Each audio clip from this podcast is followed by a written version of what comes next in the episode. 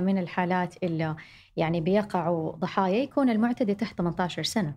فأنت متخيل بالضبط فهم أطفال في أطفال والخيط الأول عبارة عن اكتشاف لأنه ما في أي معرفة. يعني كثير دراسات قرأتها أنه الأطفال اللي هم أقل عرضة إنهم يقعوا ضحايا التحرش سواء حتى إحنا حتى عندنا تحرش ملموس وغير ملموس، الغير ملموس إنه لما يفضل الطفل يطالع في مشاهد إباحية واحد يطلب منه يصوره وهو يصور أحد، هاي ترى كثير كثير. يعني آخر مؤتمر حضرته العام الماضي على العنف ضد الأطفال في منطقة الخليج. يعني السعودية أكثر دولة الأطفال يصوروا فيها نفسهم بصور إباحية ويرفعوها. يعني أكثر صور أبلود بتصير من عندنا. وتيجي تشوف خيوط المشكلة تلاقيه قاعد يلعب لعبة أطفال عادية يطلع له واحد كأنه بيلعب معاه بس يطلب منه يقول له شوف هذه الصورة صور زيها. أهلا. هذا فنجان من إذاعة ثمانية وأنا عبد الرحمن أبو مالح. ضيفتي في هذه الحلقة دكتورة هبة حريري آه معالجة نفسية وعضو هيئة تدريس في جامعة جدة. الحديث في هذه الحلقة عن موضوع حساس يعني بالنسبة لي على الأقل آه وموضوع مهم. بالنسبة للمجتمع وللأهل هو آه ثقافة العيب والتربية الجنسية مع الأبناء وأهمية آه تعليم الأبناء آه الثقافة الجنسية أو آه كل ما يتعلق حول هذا الموضوع. لاحظ أني أنا الآن آه أدور حول الحماة فالموضوع آه بالنسبة لي حساس لكن مهم. قبل أن نبدأ هذه الحلقة أود منكم تقييم البودكاست على أبل بودكاست أو أي من تطبيقات البودكاست. كذلك هناك العديد من الحلقات اللي تحدثنا فيها في فنجان أو في بودكاست أرباع أو في بودكاست أصوات.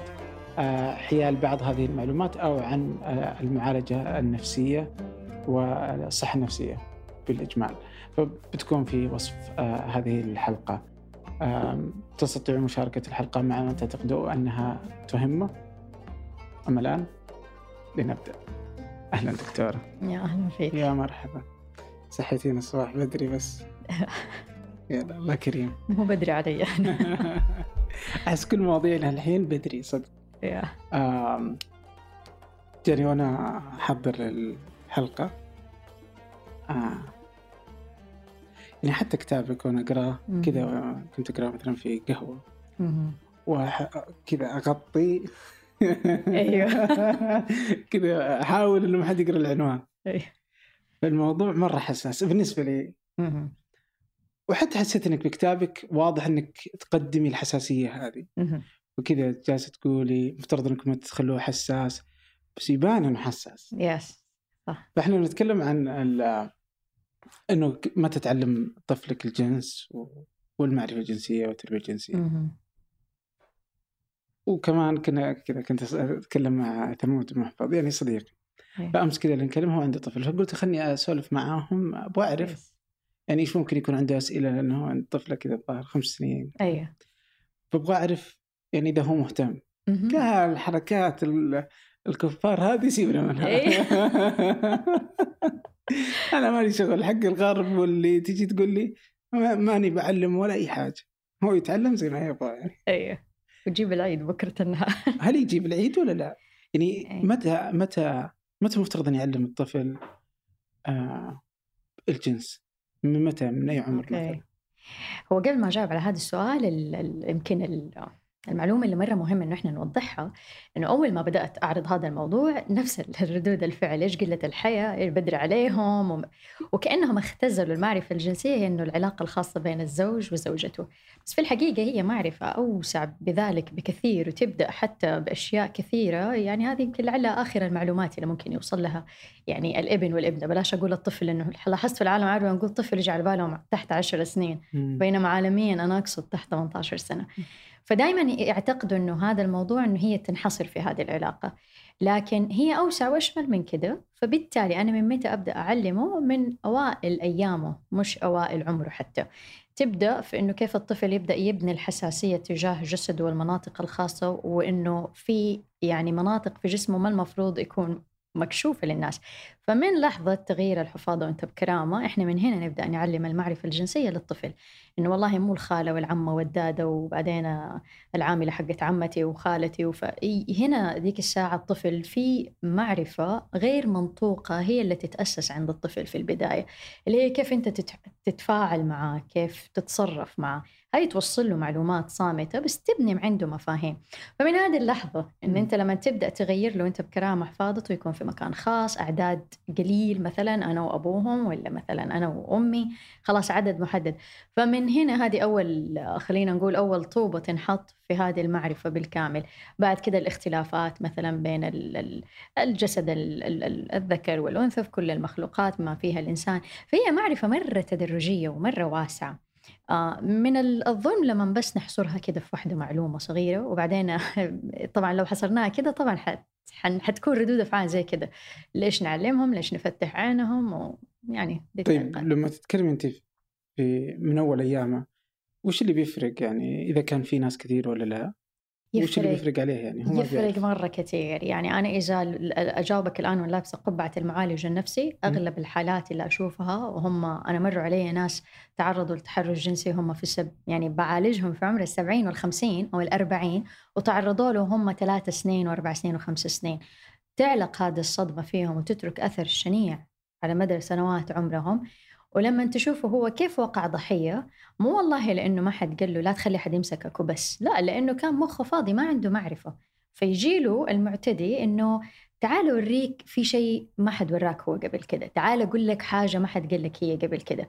وفي الأخير هذه المعلومات مثيرة يعني للاهتمام بفطرة أي إنسان فما بالك هذا الطفل اللي معبأ أصلا بفطرته أنه أنا بدي أعرف كل شيء أو عنده تساؤلات كثير يتولد فيها. فعادة هذا هو الفخ اللي يقعوا فيه ضحايا من هنا يبدأوا ينجرفوا. فعدم تقديم المعرفة أنت بتخليهم يعني زي الصفحة البيضاء اللي أي حد يجي يعبي لهم هي. وعادة ترى تتعبى بممارسات غلط تصير وهم أطفال ويكبروا عليها ويصير في انحرافات حتى ممكن يعني جنسية في السلوكيات أو حتى بالأفكار أو بالعواطف. أو ممكن تنبني مشوهة أو ممكن تصير فاضية وبعدين فجأة تتكب دفعة واحدة وتسوي هلع عند الإنسان يعني. وهذا اللي أنا فعلا أشوفه يعني على كبار أنا بتكلم يعني. أنا أنا بشوف النتيجة بعد سنوات. من عدم تقديم المعرفة فلما شفتها في العلاج النفسي حسيت طيب ليه ما نبدأ من البداية مزبوط صح؟ إيش اللي أنت شفتيه مثلا؟ اللي أشوفه مثلا إنه لما إجوا يتعالجوا من مثلا حالات اعتداء جنسي صارت عليهم وهم صغار. طبعا نحلل كيف بدأت القصة عندهم يعني من فين جات. طبعا نجي نلاقي إنه والله ما تنقصهم مثلا تلاقي إنه أهالينا وهذا هذا شعور العاري اللي يحملوه كثير من ال من الناس اللي تتعالج تقول لك إنه ماما كانت حريصة كانت تقول لي لا تخلي أحد يشوفك أو لا تروحي مع أحد غريب أو لا. بس هذه المعلومات وحدها ما حمت وما كانت كفاية. لأنه عادة اللي بيصير إنه 80% من اللي مروا علي ومع الاحصاءات تطابقت كمان غير تجربتي الشخصية في العلاج النفسي كمان من الإحصاءات. 80% من الحالات اللي يعني بيقعوا ضحايا يكون المعتدي تحت 18 سنة.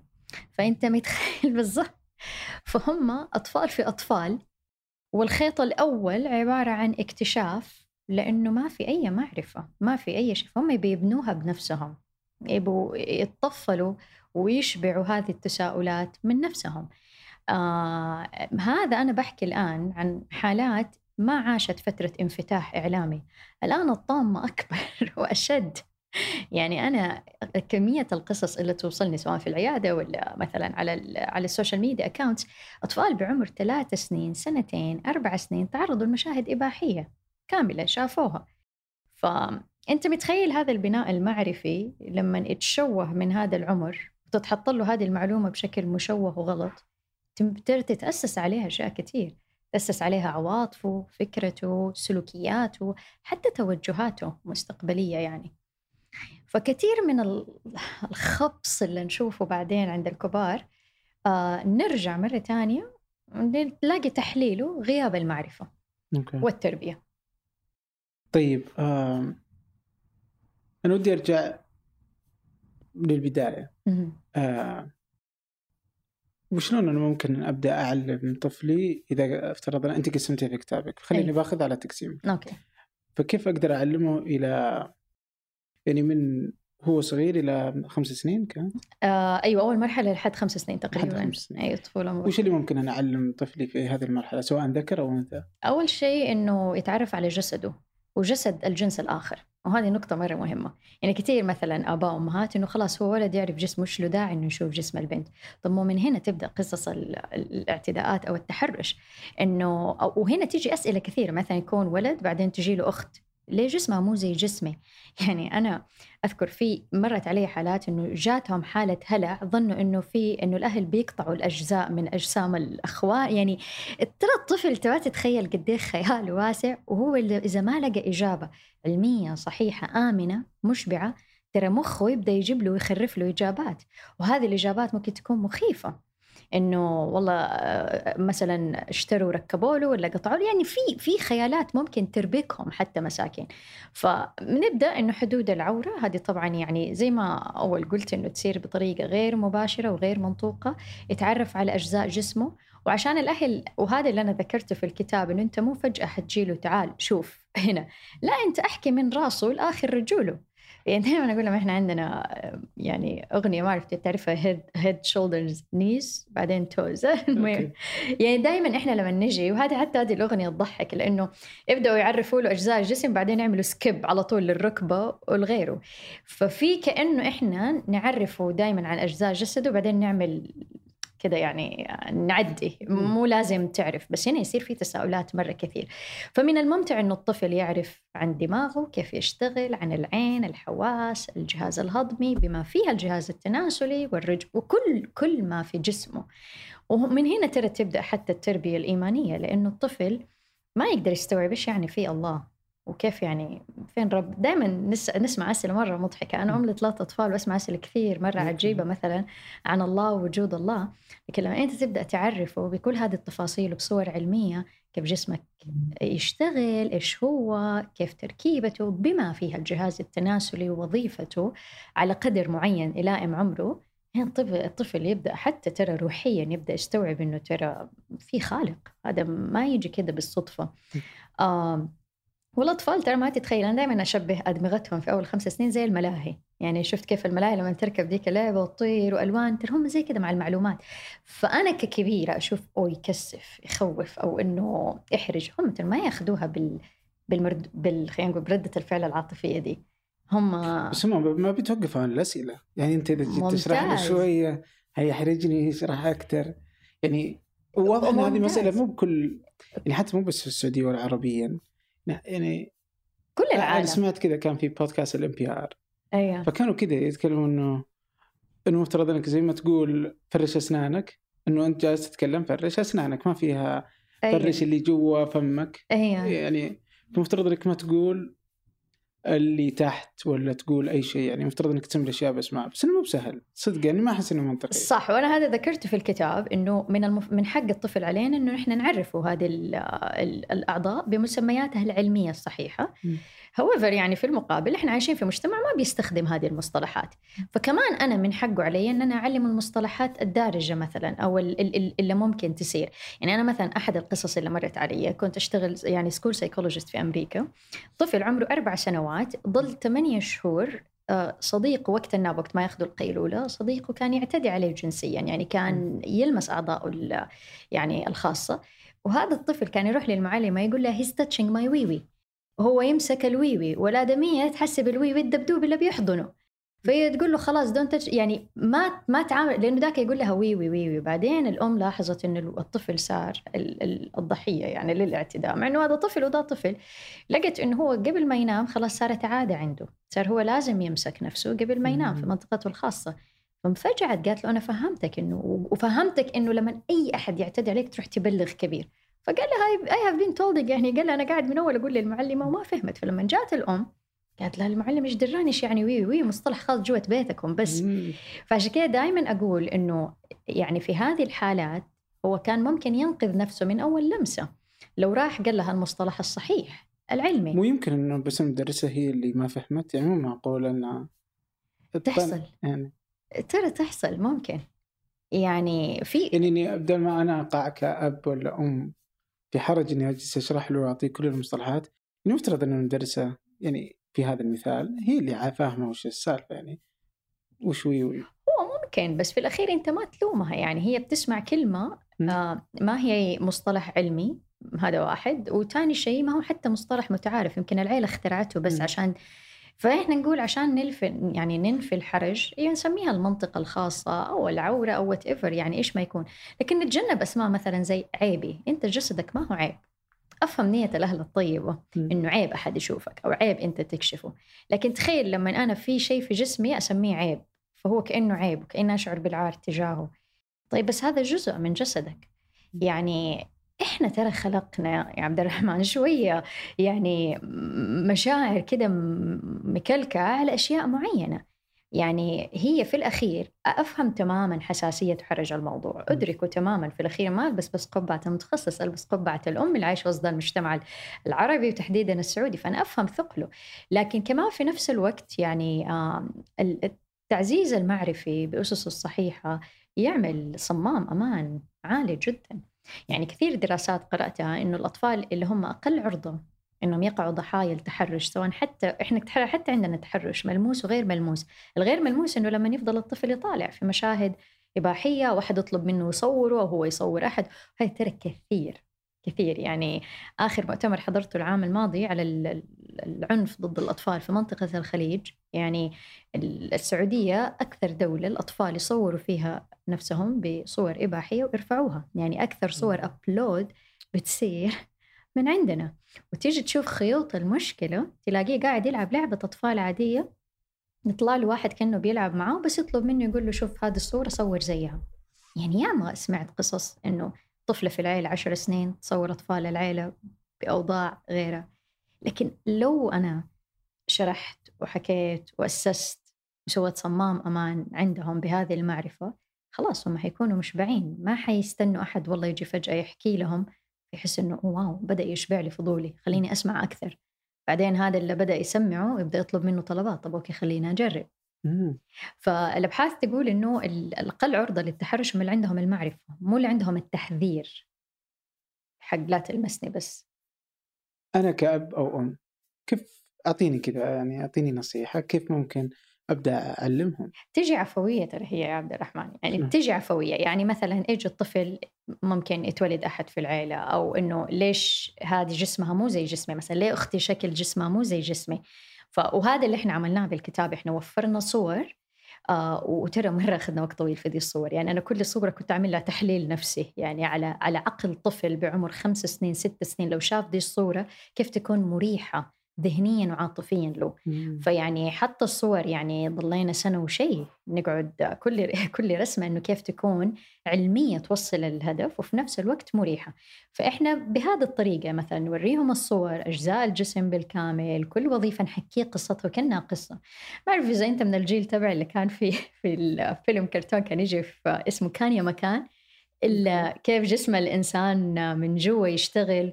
ولما يصير في عسر هضم كيف الدماغ يرسل إشارات ومسعفين ويروح وده أنا كنت جدا مستمتع إن أنا أعرف واو هذا كله قاعد يصير جوا جسمي بس من خلال قصة آه.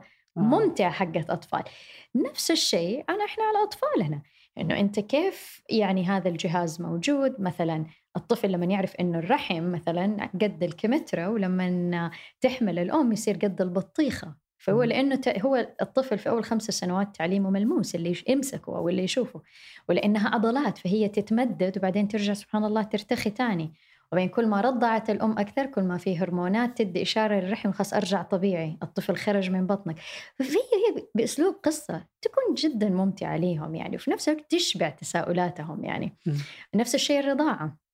يعني أنا مرة بنتي سألتني كان عمرها خمس سنين قالت لي إنه يعني صدر السيدة قالت لي هو فات ولا مسلز يعني هو دهون ولا عضلات؟ الطفل يفكر يعني ترى والآن الأجيال يعني ما هي زينا إحنا كنا غلابة يعني.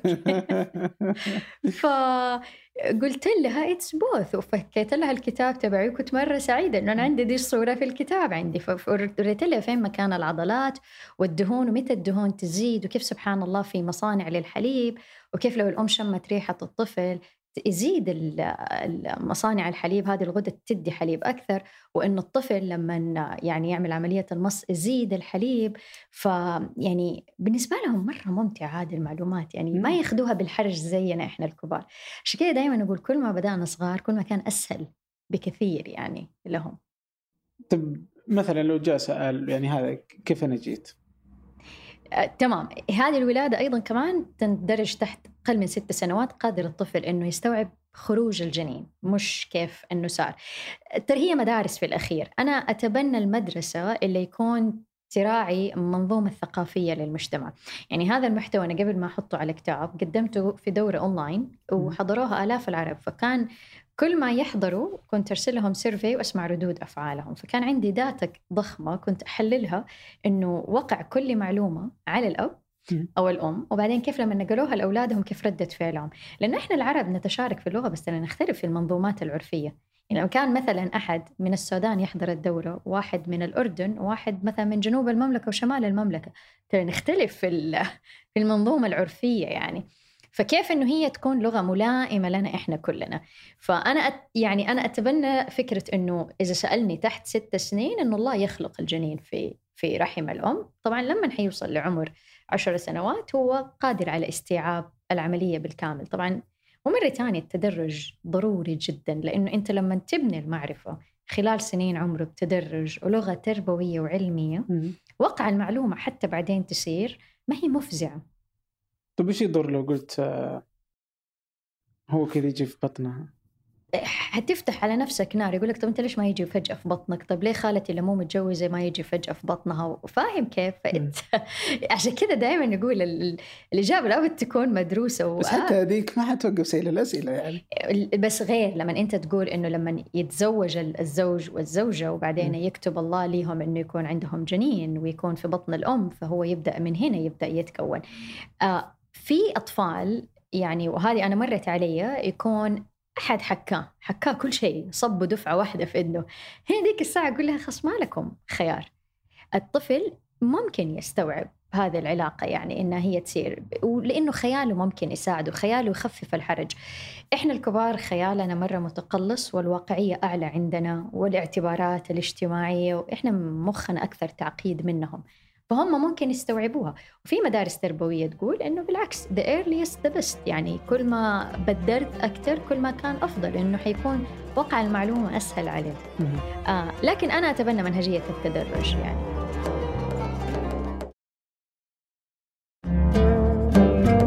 طيب ليش أصلا تتوقع إنه الأهالي تتحرج من تعليم أطفالهم هذه المسائل؟ إيه، هذا السؤال مرة حلو. أنا عملت دراستين. عملت دراسة أنه آه سألت الآباء والأمهات جيل السبعينات والثمانينات وآخر شيء وقفت عند التسعين اللي هم دوبهم آه يعني آباء وأمهات. كيف أنتم تلقيتوا المعرفة؟ وبعدين الجزء الثاني من الدراسة كيف نقلكم أنتم للمعرفة لأبنائكم؟ It's so interesting كانت ال ال النتائج. يعني الأغلب أول شيء شعورهم قديش كان آه كان عندهم مثلا ثلاث خيارات. لما تلقيت المعرفة كنت ما أنت فاهم إيش هي وعبارة كده عن شيء غامض ومربك وماني فاهم بس كأنه شيء غامض يعني بسمعه كانت هذه النسبة تقريبا 55% 45% كانوا إنه فهمنا وما فهمنا ونبى نسأل أكثر بس ما عندنا ما عندنا ساحة آمنة عاطفيا وفكريا إن أنا أسأل. يعني خافوا يسألوا بلا قلة حياة عيب أسكت. ال ال يعني كانوا خمسة أو أربعة في المية فقط اللي حسوا أنه فهموا والإجابات كانت مشبعة والمعلومات مشبعة. فتعال شوف هذا الجيل اللي أربعة في المية بس منهم تلقوها وفهموها وأشبعوا منها وبطريقة آمنة أخذوها حينقلوها لأبنائهم. أربعة في المية. بينما الأغلبية العظمى أصلا وقع المعلومة عليهم كان مربك ومفزع برضو من ضمن الأجزاء في الدراسة أنه كيف وقع المعلومات عليك. أغلب شعور كان مهيمن عليهم إرباك بعدها إشمئزاز وبعدها كانت معلومات مخيفة. أقل نسبة كانت إنه كانت معلومات عادية. فأنت متخيل الحالة الشعورية لهذا الإنسان كيف تلقى هذه؟ والوقع الأول للمعلومة ترى هو اللي يبنيها. فكم طيب كم عندكم نسبة الثقة والتمكين إنك أنت تنقلها كأب أو أم؟ 8% بس اللي شعر إنه أنا ممكن أنقل لأبنائي. آه كانت 5% بس تخيل اللي حضروا وهذه يعني كان ال survey على يعني كان آلاف شاركوا فيه عرب من كل مكان يعني حتى كان في عرب في كوريا شاركوا في الاستبيان و it's interesting إنه كان جدا متنوع يعني كانوا في في أوروبا كندا أمريكا مع العالم العربي. الاستبيان غطى كل العالم يعني كل العرب تقريبا في كل مواقع الجغرافية. 4% أو 5% فقط لا تتجاوز 5% إلا حسوا إنه عندهم أدوات يعني عندهم يا إما كتاب أو حضروا دورة أو غيره. فطالع بنظرة تحليلية على هذا الجيل. طيب وتعال قول له يلا أنقل المعلومات. أفهم تماما أنا كمختص وكمان كأم من هذا الجيل إنه ليش صعب علينا؟ فعلا صعب. لما طرحت الدورة وطرحت الكتاب الآن بعد ما تنتهي من الكتاب لو لاحظت في باركود إنه إذا نقلت المعرفة أدخل على ذا الاستبيان و... و... وأدينا ردة فعلك أنت. وردة فعل أبنائك. كم النسبة صارت اللي هم من 8% ما يشعروا بثقة وخايفين إنهم هم ينقلوا عفوا 8% اللي يشعروا بثقة إنهم يقدروا ينقلوا.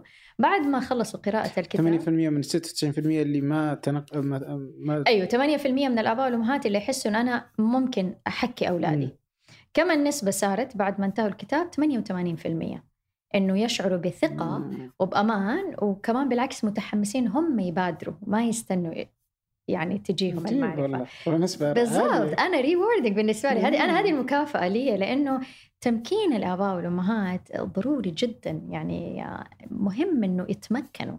أنا مهم كأب وأم ما أجلس حايسة. ماني عارفة أنا كيف أتكلم. لو جاني سؤال إيش أسوي في عمري؟ يعني أنا طيب ليجي يقول لك أنا حصرف وأنا تصرفت وهذا أنا عايش حياتي. طيب تعال شوف حياتك. أنا عرفتها من الشارع وخلاص يعني إيش أيوه بس ترى تنبني عليها أشياء كثيرة. يعني هذول اللي يقولوا لك إحنا ما صار لنا شيء ترى هذا اللي يظهروه. أدخل يوم العيادة عندي واسمع البلاوي. ما نسمع عادي الإجابات. ليش بلاوي مثلا؟ يعني أشياء كثير. مثلا أنا أعدد لك هي. ممارسات جنسية مثلا كانوا يسووها وهم شباب ما كانوا يعرفوا إنها غلط أو مثلا ما تصير أو حتى غير صحية. طيب؟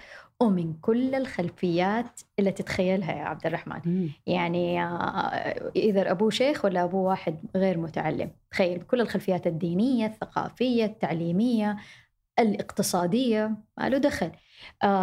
تصير مشاكل في العلاقة الخاصة أول ما يتزوج زي إيش مثلا؟ بس لحظة هنا في الممارسات الجنسية اللي أنت تقولي زي إيش ممكن يعني مثلا يعني. يعني مثلا تصير ممارسات جنسية بين نفس الجنس مثلا. آه. أولاد مع أولاد بنات مع بنات. آه من الصعب افصل ما أعرف مين حيسمع البودكاست.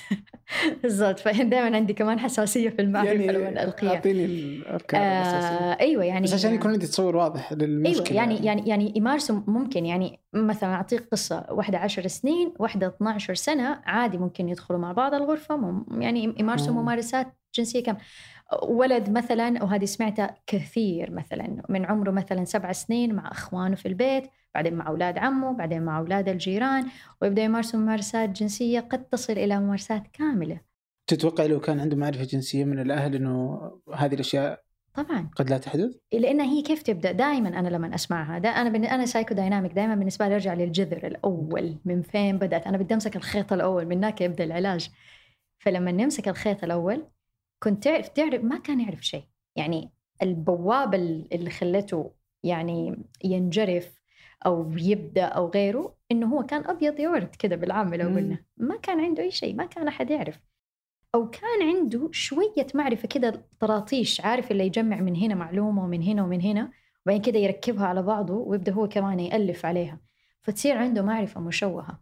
يعني مثلا أنا مر علي رجال ما كانوا يقدروا مثلا يمارسوا العلاقة الخاصة بينهم وبين زوجاتهم في أول آه، أول ممكن تصل لأول سنوات الزواج. طبعا أنت تشوف البيت من برا جميل وكابلز كويسين وسعيد. ما تعرف إيش الخفايا اللي بتصير. ليه؟ لأنه أول ما نق... يعني اتنقلت له هذه المعرفة نقلت له بشكل مشوه وعنيف. وأشبه لي اللي ممكن بعض يعني أنواع الأفلام الإباحية مثلا اللي تصير لأن هي عادة لما تيجي تتنقل ممكن تتنقل يا إما بأشكال عنف أو أو أو بأشكال إنه أحد مهيمن على الآخر أو غيره يعني. فبالنسبة له يحس إنه هذا تعذيب أو هذا مقزز أو هذا مقرف فيبني ردة فعل نفسية وعاطفية زي الحاجز تصير. فبالنسبة له لما نجي لو لكن لو خلينا ناخذ السيناريو الثاني لو انبنت بتدرج وانشرحت بشكل جدا راقي وآمن وسليم وصحيح وبشكل علمي ما حيكون عنده هذا الإرباك. كثير من أسباب مثلا التشنج المهبلي اللي يحصل للسيدات لما يعني يتزوجوا سببها نفسي. يكون المعلومة اتنقلت لهم مشوهة أو اتنقلت لهم عليها معلومات مغلوطة كمان. ففي كثير كثير يعني وأزمة هذه في حلقة في أصوات. بودكاست أصوات عن التشنج المهبلي اسمها عرس غير مكتمل. أيوه. آه فبس في وسط الحلقة اللي مهتم يعني يشوف المأساة اللي تحصل للأزواج بسبب آه، جهل معلومات بسيطة. صح. صح. كثير كثير. يعني ما تتخيل يعني يعني أنا لو أحكي لك القصص شيء شيء بالرأس يعني أنا كمية القصص اللي أسمعها يعني مهيلة. هذا كان الدافع إني أعمل الكتاب. آه. لأنه مؤلم جدا. لما تعرف إنه هذا كله إحنا ممكن ما نوصل له. لو توفرت المعرفة. فيعني مرة تانية أرجع لنفس الإحصائية اللي قلت لك هي يعني 4% بس إلا يعني وصلتهم المعرفة. فأنت بتخيل أنت عندك 96 ما بدي أقول يدخلوا على هذا في السعودية ولا عربيا؟ عربيا. عربيا. يا. وقدرتي تعرفي في الأربعة في المية أنه المعرفة اللي وصلت لهم صحيحة ولا مغلوطة؟ آه شكرا كمان على هذا السؤال. إيش مصادرهم دول الأربعة في المية؟ تخيل أرجع مرة ثانية أقول لك جيل السبعينات والثمانينات. الإعلام هو المتصدر ينافس الأصدقاء. يعني مين مصدركم في المعرفة؟ إما الأصدقاء اللي حكوا لهم هذه المعرفة أو الإعلام. إحنا بنحكي عن إعلام الثمانينات والسبعينات يعني الغلبان ذاك النظيف الطيب. اللي هو كان في حتى إنترنت أنت دحين ثلاث سنين سنتين ماسك في يده جواله والعالم كله بين يده. فتخيل كانوا من الإعلام من الأصدقاء من ترتيب أنا حطيت سبعة مصادر ترتيب الوالدين جاء رقم خمسة. هذول هذول هذول اي الأربعة في المية. بالضبط. فأنا كأم أنا ما بدي أكون آخر مصادر أبنائي. أنا بكون أول مصدر لأني أنا الآمنة. يعني أنا اللي حنقولها وفي روح الأمان لهم. أنا اللي حنقولها وأنا خا... يعني أنا حنقولها وأنا حريصة عليهم. مو مرتبكة مو خايفة مو وهنا ترى نقطة مرة مهمة. كثير يحسبوا إنه عشان لا حد لا يصيروا ضحايا تحرش لا مو عشان بس لا يصيروا ضحايا تحرش هذه المعرفة هي داخلة في كل جوانب حياتك. يعني دائما الناس تحسب معرفة جنسية شيء جنسي. طب هي تدخل كمان في آه يعني عقلك الرباني الروح. يعني مثلا لوحدها بس الحمل والولادة والرضاعة وأشياء كثير فيها جوانب إيمانية جميلة جدا يعني جميلة مرة وعجيبة يعني وترفع عند الإنسان الروح الإيمانية. الجانب العاطفي الاجتماعي يعني العلاقة الحدود ما بين الجنسين البنت والولد كيف ممكن تصير. هذا توبيك يدخل تحت المعرفة الجنسية مثلا. ف... وهذه حيتعاملوا فيها. يعني سواء كانوا عايشين في يعني مدارس مختلطة أو غير أولاد العيلة أولاد الجيران هذه كلها تفاصيل. أنا بدي أحكيها معاهم وأنا بدي أكون أنا النموذج كمان يعني. فهي معرفة مرة متداخلة ترى متشعبة في كل يومياتنا يعني. ما هي والله بس كذا معلومة وانتهينا يعني. ولا لما نتزوج أقول له شيء واحد وخلاص. هي ما هي بالسطحية هذه أبدا. طيب إيش الجانب السلبي؟ عشان ما أخليك أنت منحازة إلى الجانب الإيجابي. أيوه. الجانب السلبي من أعلمهم في أكثر من جانب سلبي وأنا هذه فصلت لها فصل كامل في الكتاب. أول حاجة إنه ولدك من الحماس يقوم يروح لأولاد العيلة تعالوا أحكيكم إيش قال إيش قال لي؟ واو هذول هم مكي مكي ما تعرف إنه يعني يصير كذا عنده إنه واو أنا عرفت شيء جديد مثلا. فأنا هنا برضه اديت حلول ممكنة إنه ممكن أنتظر شوية لين يكبر ولدي شوية كذا يعقل ويرسى ولسانه يتربط أكثر آه، حطينا حلول مثلا أنا ممكن أحكي له هو أول الأسبوع معلومة مرة صغيرة فحماسة المعلومة تنطفي قبل ما تيجي جمعة بيت جدته أو جده. فقبل ما يوصل لآخر الأسبوع قد يمكن نسيها أو حماسها راح. أو مثلا أستنى لو العيلة بدأت تسافر فمثلا إجازة الصيف فأنا مثلا أحكي له هي في الوقت اللي مثلا ممكن لو حيجي كده عارف مرة في بعض العوائل كده يجيهم شهر هدول راحوا مثلا سافروا هدول جو فكده تحس إنه التجمعات الاجتماعية تقل فأنا ممكن أحكيها. آه، حاول زي كذا أختار الأوقات. ما حكي له أيام المدرسة. عشان لا يروح آه، يحكيها. يحكيها. نأكد على أطفالنا هذه دائما إنه هذه المعلومات بس مهمة الأب والأم في نقلها. أنت ترى مو مهمتك تروح تحكي ولد خالتك ولا أنت تحكي كذا عمتك. له مثلا أيوه. لا لا تحكي أحد هذا بالسر؟ طب ليش سر بابا؟ هو ما هو سر لأنها معلومات مرة خاصة. م. أيوه إحنا بنحكي عن معلومات خاصة. مو كل العائلات تحب تتكلم كثير عن ذا الموضوع. وهذه أنا من تجربة مثلا يعني مثلا مع بناتي يعني مرة جاتني بنتي عمرها 8 سنين قالت لي ماما تخيلي صاحباتي ما يعرفوا إنه كيف الطفل يبدا يصير كبير اللي هو البلوغ يعني. فقلت فهي مستغربة قلت لا تستغربي عادي قلت لها انت تعرف إحنا كيف نطبخ الكبسة؟ إحنا ما نطبخ الكبسة قالت لي لا قلت لها عادي. كل عيلة كل عيلة عندها معلومات تعرفها معلومات ما تعرفها اتس عادي يعني لا لا تكبريها مرة. قلتي لهم لا تقولي لهم؟ أيوه أيوه إني أكد عليهم إنه هذه المعلومة مرة ثانية هذه يعني أنا يعني الكبسات يقولوا الكبسات ما عرفت بس هذه لأنه لأنه مرة ثانية أنا أنا أت يعني مرة ثانية أتبنى إنه هذه معرفة حساسة. يعني ما ابى أوصل كمان أنا لمرحلة مجتمعيا إنه يصير الحديث عنها إنه عادي ونتكلم وبأريحية لإنه لها طابع الخصوصية يعني. وما تعرف كمان ال ال يعني أنت ما تعرف حتى الخلفيات المعرفية عند من حولك من عائلتك جيرانك. فأنت كمان لازم تراعي يعني أنا مثلا عشت في أمريكا عشر سنوات. آه بنتي مثلا كانت من عمرها خمس سنوات كانت عارفة كل قصص الأنبياء ومن هم الأنبياء وغيرها تروح المدرسة هم ما يعرفوا غير واحد نبي أصحاب الأمريكان وبعدين حتى هو نبي و... وابن الله كان جيسس مثلا. فهي كانت تعرف إنه أنا آه يعني أنا من أسرة مختلفة إحنا ثقافتنا مختلفة هم أيضا مختلفين مو واحد أحسن من الثاني لا. ولكن التنوع طفل يدرك معنى أو خلينا نقول مفهوم إنه إحنا في تعددية في تنوع. ف أنت تقولي إنه ما, ما تبغي إنها تكون في المجتمع آه يكون الحديث فيها عادي لأنه الحين مثلا في آه حواجز معينة ولا لأنه ما تشوفينه أصلا صحي على الأبد؟ يعني يجب أن يكون موضوع حساس في يعني المجتمع بشكل عام. آه يعني كلمة حساس هذه أظن كل واحد حيفسرها تفسير مختلف. خلينا أنا أفسرها إيش اللي أقصده. يعني كشخص متخصص يكون حساس إنه ما يكون في حرج إنك أنت تحكي مع شخص مختص مثلا عن هذا الموضوع. إذا أنت عندك أسئلة واستفسارات معينة. يعني كم من الناس مثلا صارت لهم مشاكل مثلا سيدات أو رجال ومرة تأخروا أنهم هم يروحوا للأطباء أو للمتخصصين أو للمعالجين النفسيين مثلا. والسبب الحساسية الزايدة اللي كانت عندهم في الموضوع. فأنت عندك قدر من الحساسية لكن لأهل الاختصاص أنت هذه الحساسية تتقلص مثلا. لكن والله مو أجلس مع أخواني وأحكي عن هذا الموضوع بدون أي حواجز مثلا. المشكلة؟ المشكلة لأنه اللي أنا فهمته من مثلا NPR وحديثهم وكذا واضح في مختصين واضح فكرتهم إنه المفترض ما في حساسية على الإطلاق. صحيح بس يعني جزء من أجزائك شك... يعني زي ما أنت تتنفس yeah. أنت يعني كذا اللي هذا هو هذا الإنسان. مفترض ما في الحساسية هذه ما نفهمها. حسب المعلومات. مم. يعني إذا جيت مثلا قلت لي على معلومات البلوغ مثلا إيوه لو حكت مثلا البنت مع صديقاتها مع صحباتها ما فيها حساسية مثلا لأنه هم كلهم بيمروا بهذه التجربة الجسدية اللي بتصير عليهم تاخذ سنوات. آه حسب المعلومات. عشان عشان نكون منصفين في الإجابة. الدبنز إيش المعلومة اللي في معلومات لها حساسية عالية مثلا خلينا نقول العلاقة الخاصة بين الزوج والزوجة في معلومات ما لها ذاك القدر من الحساسية الكبيرة مثلا التغييرات اللي تصير.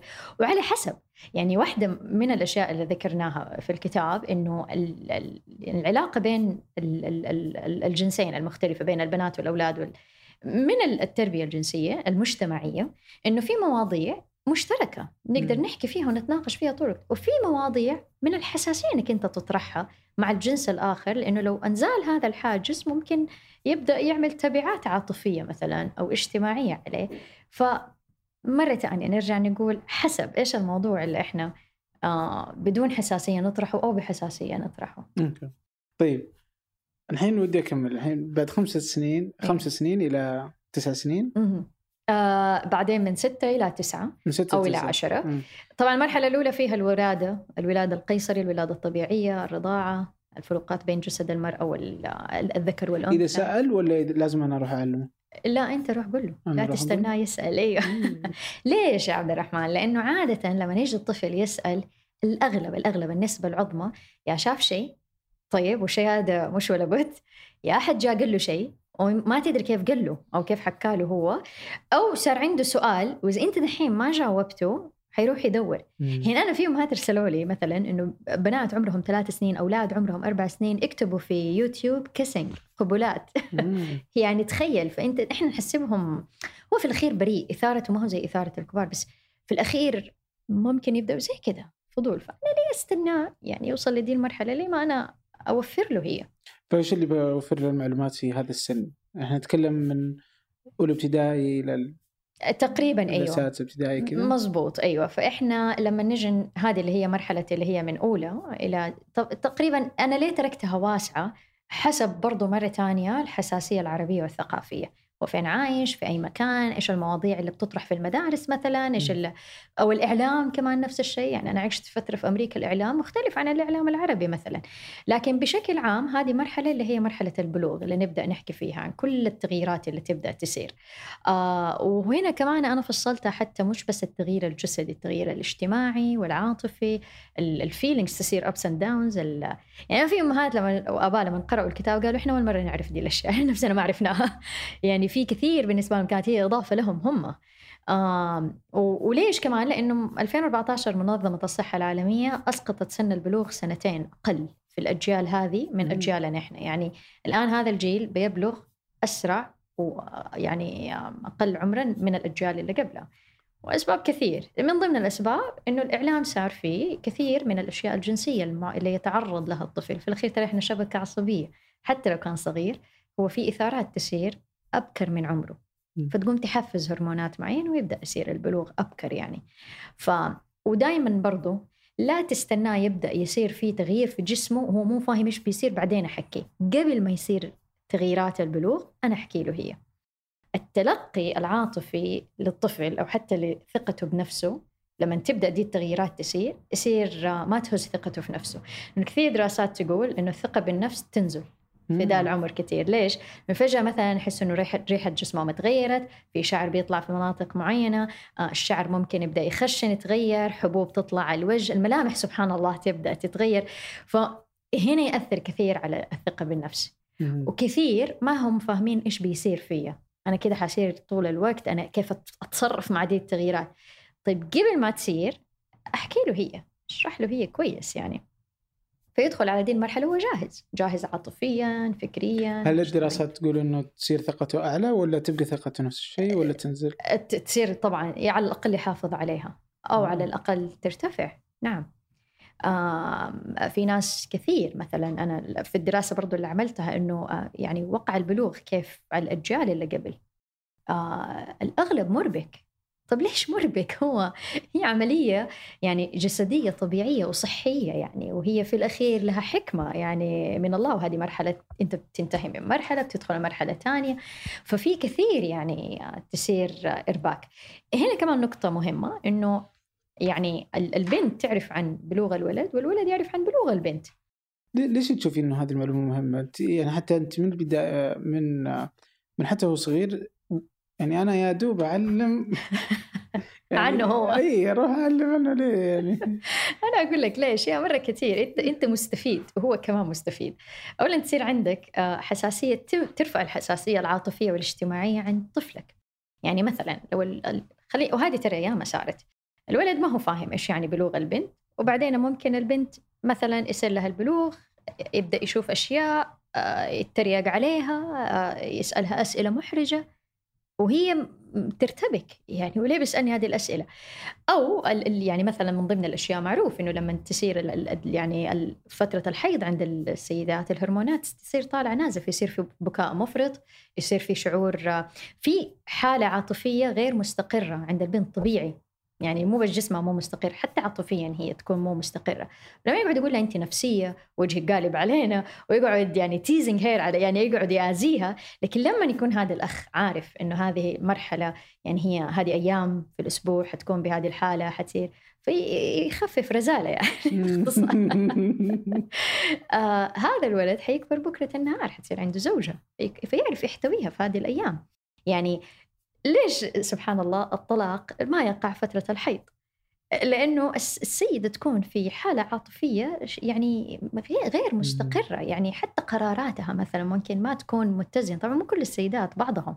فبالتالي سبحان الله الخلافات الزوجية في هذه الفترة حتى ترى يعني ممكن بعد ما تنتهي فترة الحيض هي تتريق على نفسها عن الخلافات. يعني واحدة متخيل من الأعراض العاطفية اللي تجي يعني اللي ممكن تمر فيها السيدة ما حد يحبني أنت ضدي ما حد فاهمني. بس تنتهي فترة الحيض خلاص هذا كله ممكن يتلاشى. إدراك ال ال الولد من عمر صغير على هذه الأشياء يخلي عنده ذكاء في العلاقة الزوجية لما يبدأ يتزوج لما يصير عنده بنات.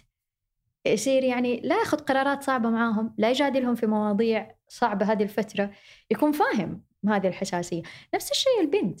يعني لما تعرف عن بلوغ أخوها مثلا عن الكيفية وكذا يصير هي عندها حساسية. عشان كذا فرقوا بينهم في المضاجع. يعني حديث الرسول عليه الصلاة والسلام عشان تدي خصوصية أكثر للولد وللبنت. نفس الشيء. فهي ترفع عندك حتى الذكاء العاطفي الذكاء الاجتماعي.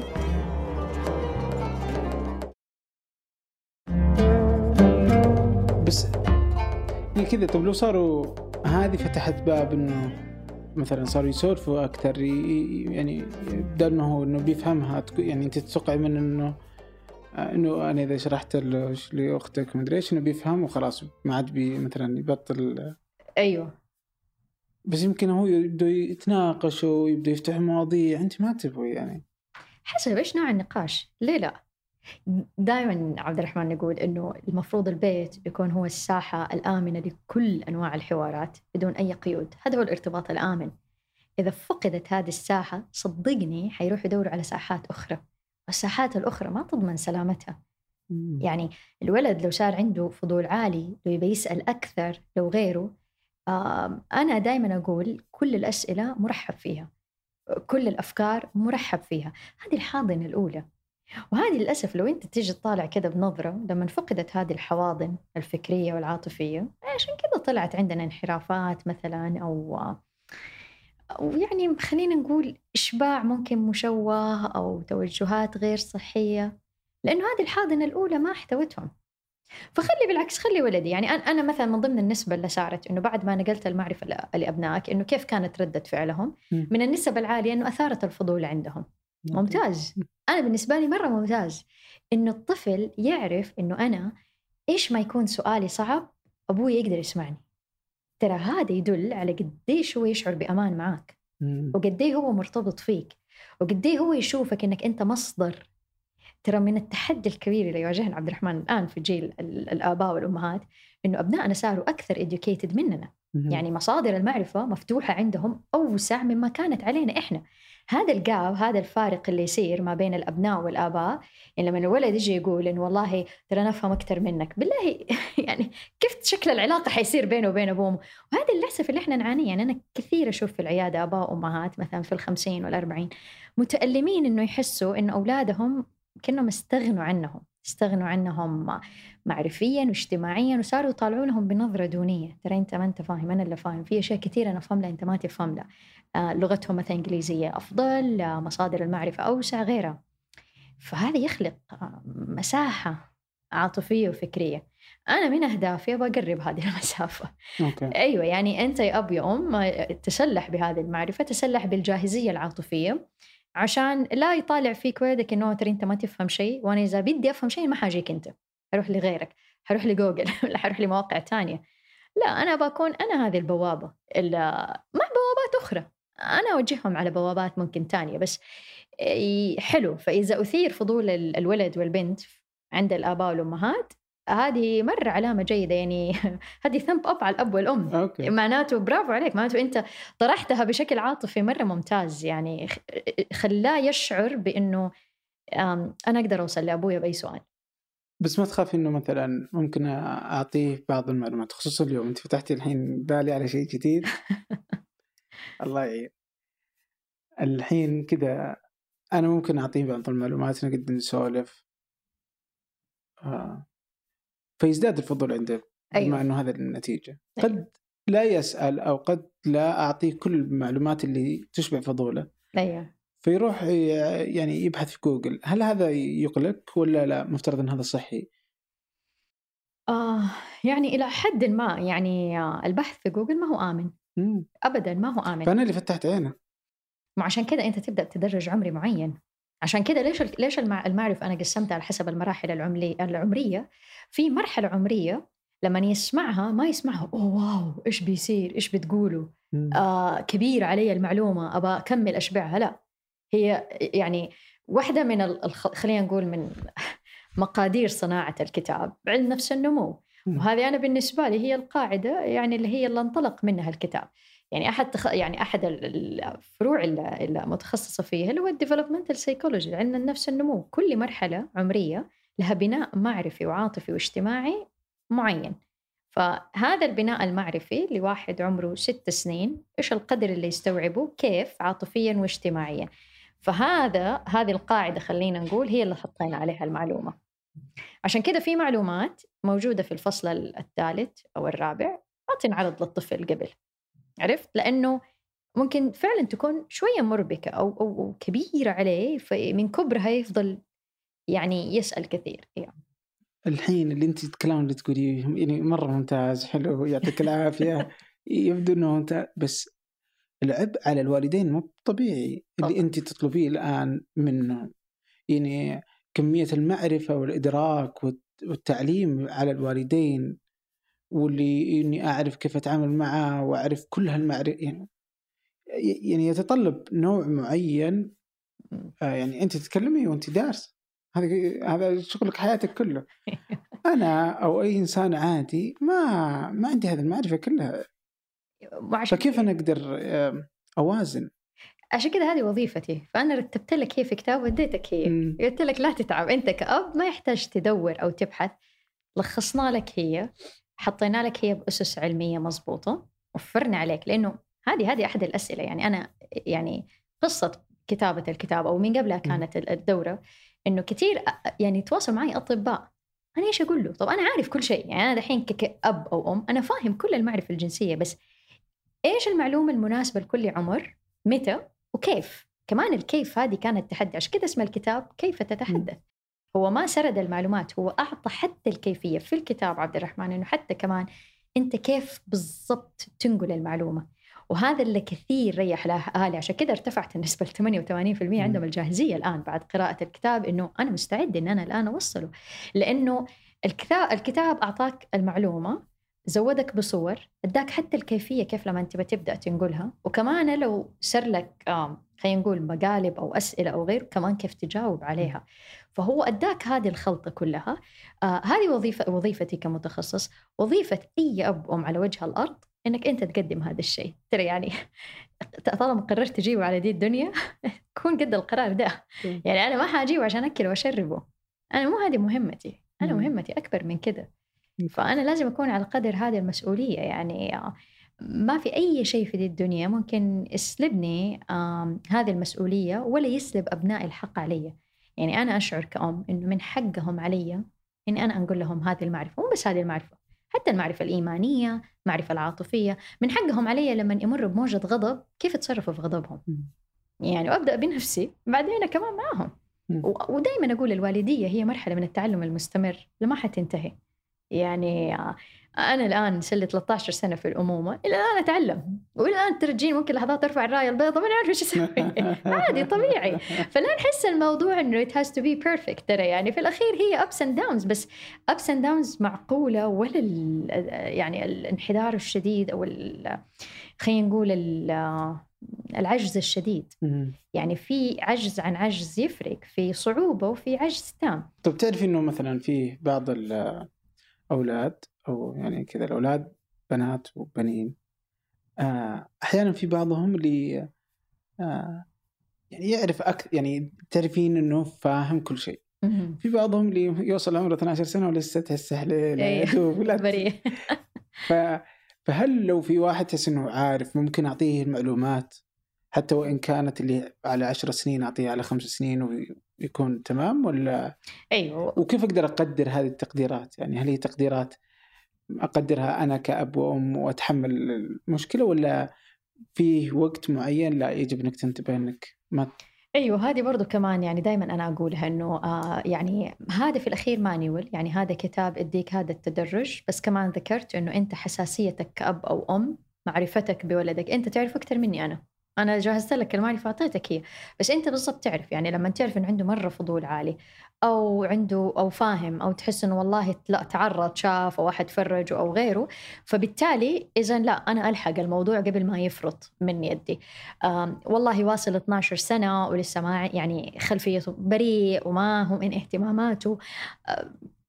مع إني أنا دائما أقول إنه أنت شايفه بريء بس إيش ضمنك العشرين الطالب أقل تقدير حوالينه في الفصل؟ ثمانية ساعات بيجلسوا أكثر منه معاك أنت كابوه أنا ما بجلس مع بناتي ثمانية ساعات يعني خلينا نكون واقعيين بيجلسوا في المدرسة أكثر ما بيجلسوا معنا في البيت. إيش ضمني إنه هدول اللي حوالينا هم حيرموا كلمة من هنا ويفرجوهم علينا؟ وهذا اللي صار. يعني كثير من الأهالي مثلا اللي اكتشفوا إنه أبنائهم فجأة عندهم معرفة يعني سابق أوانها من فين؟ من المدرسة من أصحابي. بعضها من ال video games يعني في في أطفال تعلموا العاد ممارسة العاده السريه من ال video games تخيل ولا أحد جاهم يعني ما في بني آدم جاء حكاهم أو وراهم هو بيلعب عشان يطلع من مرحلة لمرحلة هذه المشاهد اللي تطلع له وهو ست سنين تخيل. يعني أما بخوف الأهالي وأقول إنه العالم غير آمن بس يعني الحذر واجب. والعالم غير آمن يعني. صدقا على الإنترنت والشبكات الاجتماعية واليوم أصبح من الصعب جدا إنك تخلي أطفالك بدون آه، شبكات اجتماعية طبعا. وإنترنت يعني والآن التعليم عن بعد شئت أم أبيت يعني صايروا كلهم على الأجهزة. حتى يعني حتى كذا لو في القيود الأبوية اللي تضعها على الأجهزة وكذا إلا إنه ما تدري صدقا وش جالسين يتفرجون. هذا هو. بالضبط. ولا تدري يعني وفي مسائل كثيرة والله يعني الوالدين الله يعينهم. يعني ما بين إنه أنت تثق في أولادك إنهم ما راح يدخلوا ما بين إنك تراقبهم وتبغى تعرف وش جالسين يدخلوا عليه طبعا هذه حتى حاجز هذه مهمة ثقيلة. يعني اسألني عنها. بعيشها هي ما هي سهلة يعني. طيب كيف كيف ممكن أعالج هالمسألة؟ اللي هي مسألة الرقابة وغيرها. الرقابة والثقة. يعني دائما نقول صمام الأمان أنا أتخيل حاجتين يعني هي ممكن أكثر من كذا بس أنا أحس إنه هذه أكثر صمامين أمان اللي هي المعرفة أنت تسلحه بمعرفة آمنة بلغة علمية وهذا الكلام كله اللي قلناه وبارتباط آمن. إني أنت مهما غلطت آه، مهما إيش ما كان توجهك أفكارك تظل محبوب. إلا ما أحب الغلط لكن أنت محبوب. اللي هو الارتباط الآمن هذا اللي هو الحب الغير مشروط إنك ما تكون آه، تصدر أحكام عليهم أو تطلق أحكام. ما يكون في عنف في التهذيب اللي هو عنف الجسدي أو حتى الابتزاز العاطفي لأبنائنا. يعني هذه كلها لما تنبنى العلاقة بشكل آمن وسليم ومن المعرفة اللي أنت تقدمها وتزود لهم هي وتوفر لهم بيئة كمان آمنة وسليمة. هذه دائما برضو نقولها أنه يعني تعلمهم من عمر صغير كيف يختاروا الأصدقاء الجيدين. أنت توفر لهم هذه البيئة الاجتماعية تحاول تسعى أنهم هم يلتقوا دائما في أصحاب جيدين. آه، تبني عندهم الرقابة الداخلية وعد هذه ترى ما هي سهلة يعني هي ما هي وصفة والله واحد زائد واحد يساوي اثنين. أنت تزرع تزرع وفي الأخير كمان هذه معلومة مرة مهم لازم نقولها لأنه الآن التوجه التربوي أنا أشوف أنه حط ثقل يعني غير منصف على الآباء والأمهات إنه أنت لازم تسوي تسوي تسوي عشان يطلع كذا طيب نبي الله نوح لآخر لحظة يحاول في ولده يركب معاه السفينة وما ركب. وهذا حليف لكل أب وأم ترى أنت مهمتك تعطي كل اللي عندك نتيجة على الله. وهذه لازم كمان يكون عندنا هذه الروح الربانية حتى إحنا في تربيتنا لأولادنا إنه أنا حأعلم الرقابة الذاتية حأعرفهم إنه في رقيب عليهم صحتهم العقلية النفسية العاطفية من هذه كل الانحرافات. وفي الأخير أنا ماني مسؤولة عن النتيجة 100% ف... طيب كيف ممكن أتعامل معاه في مثلا العادة السرية؟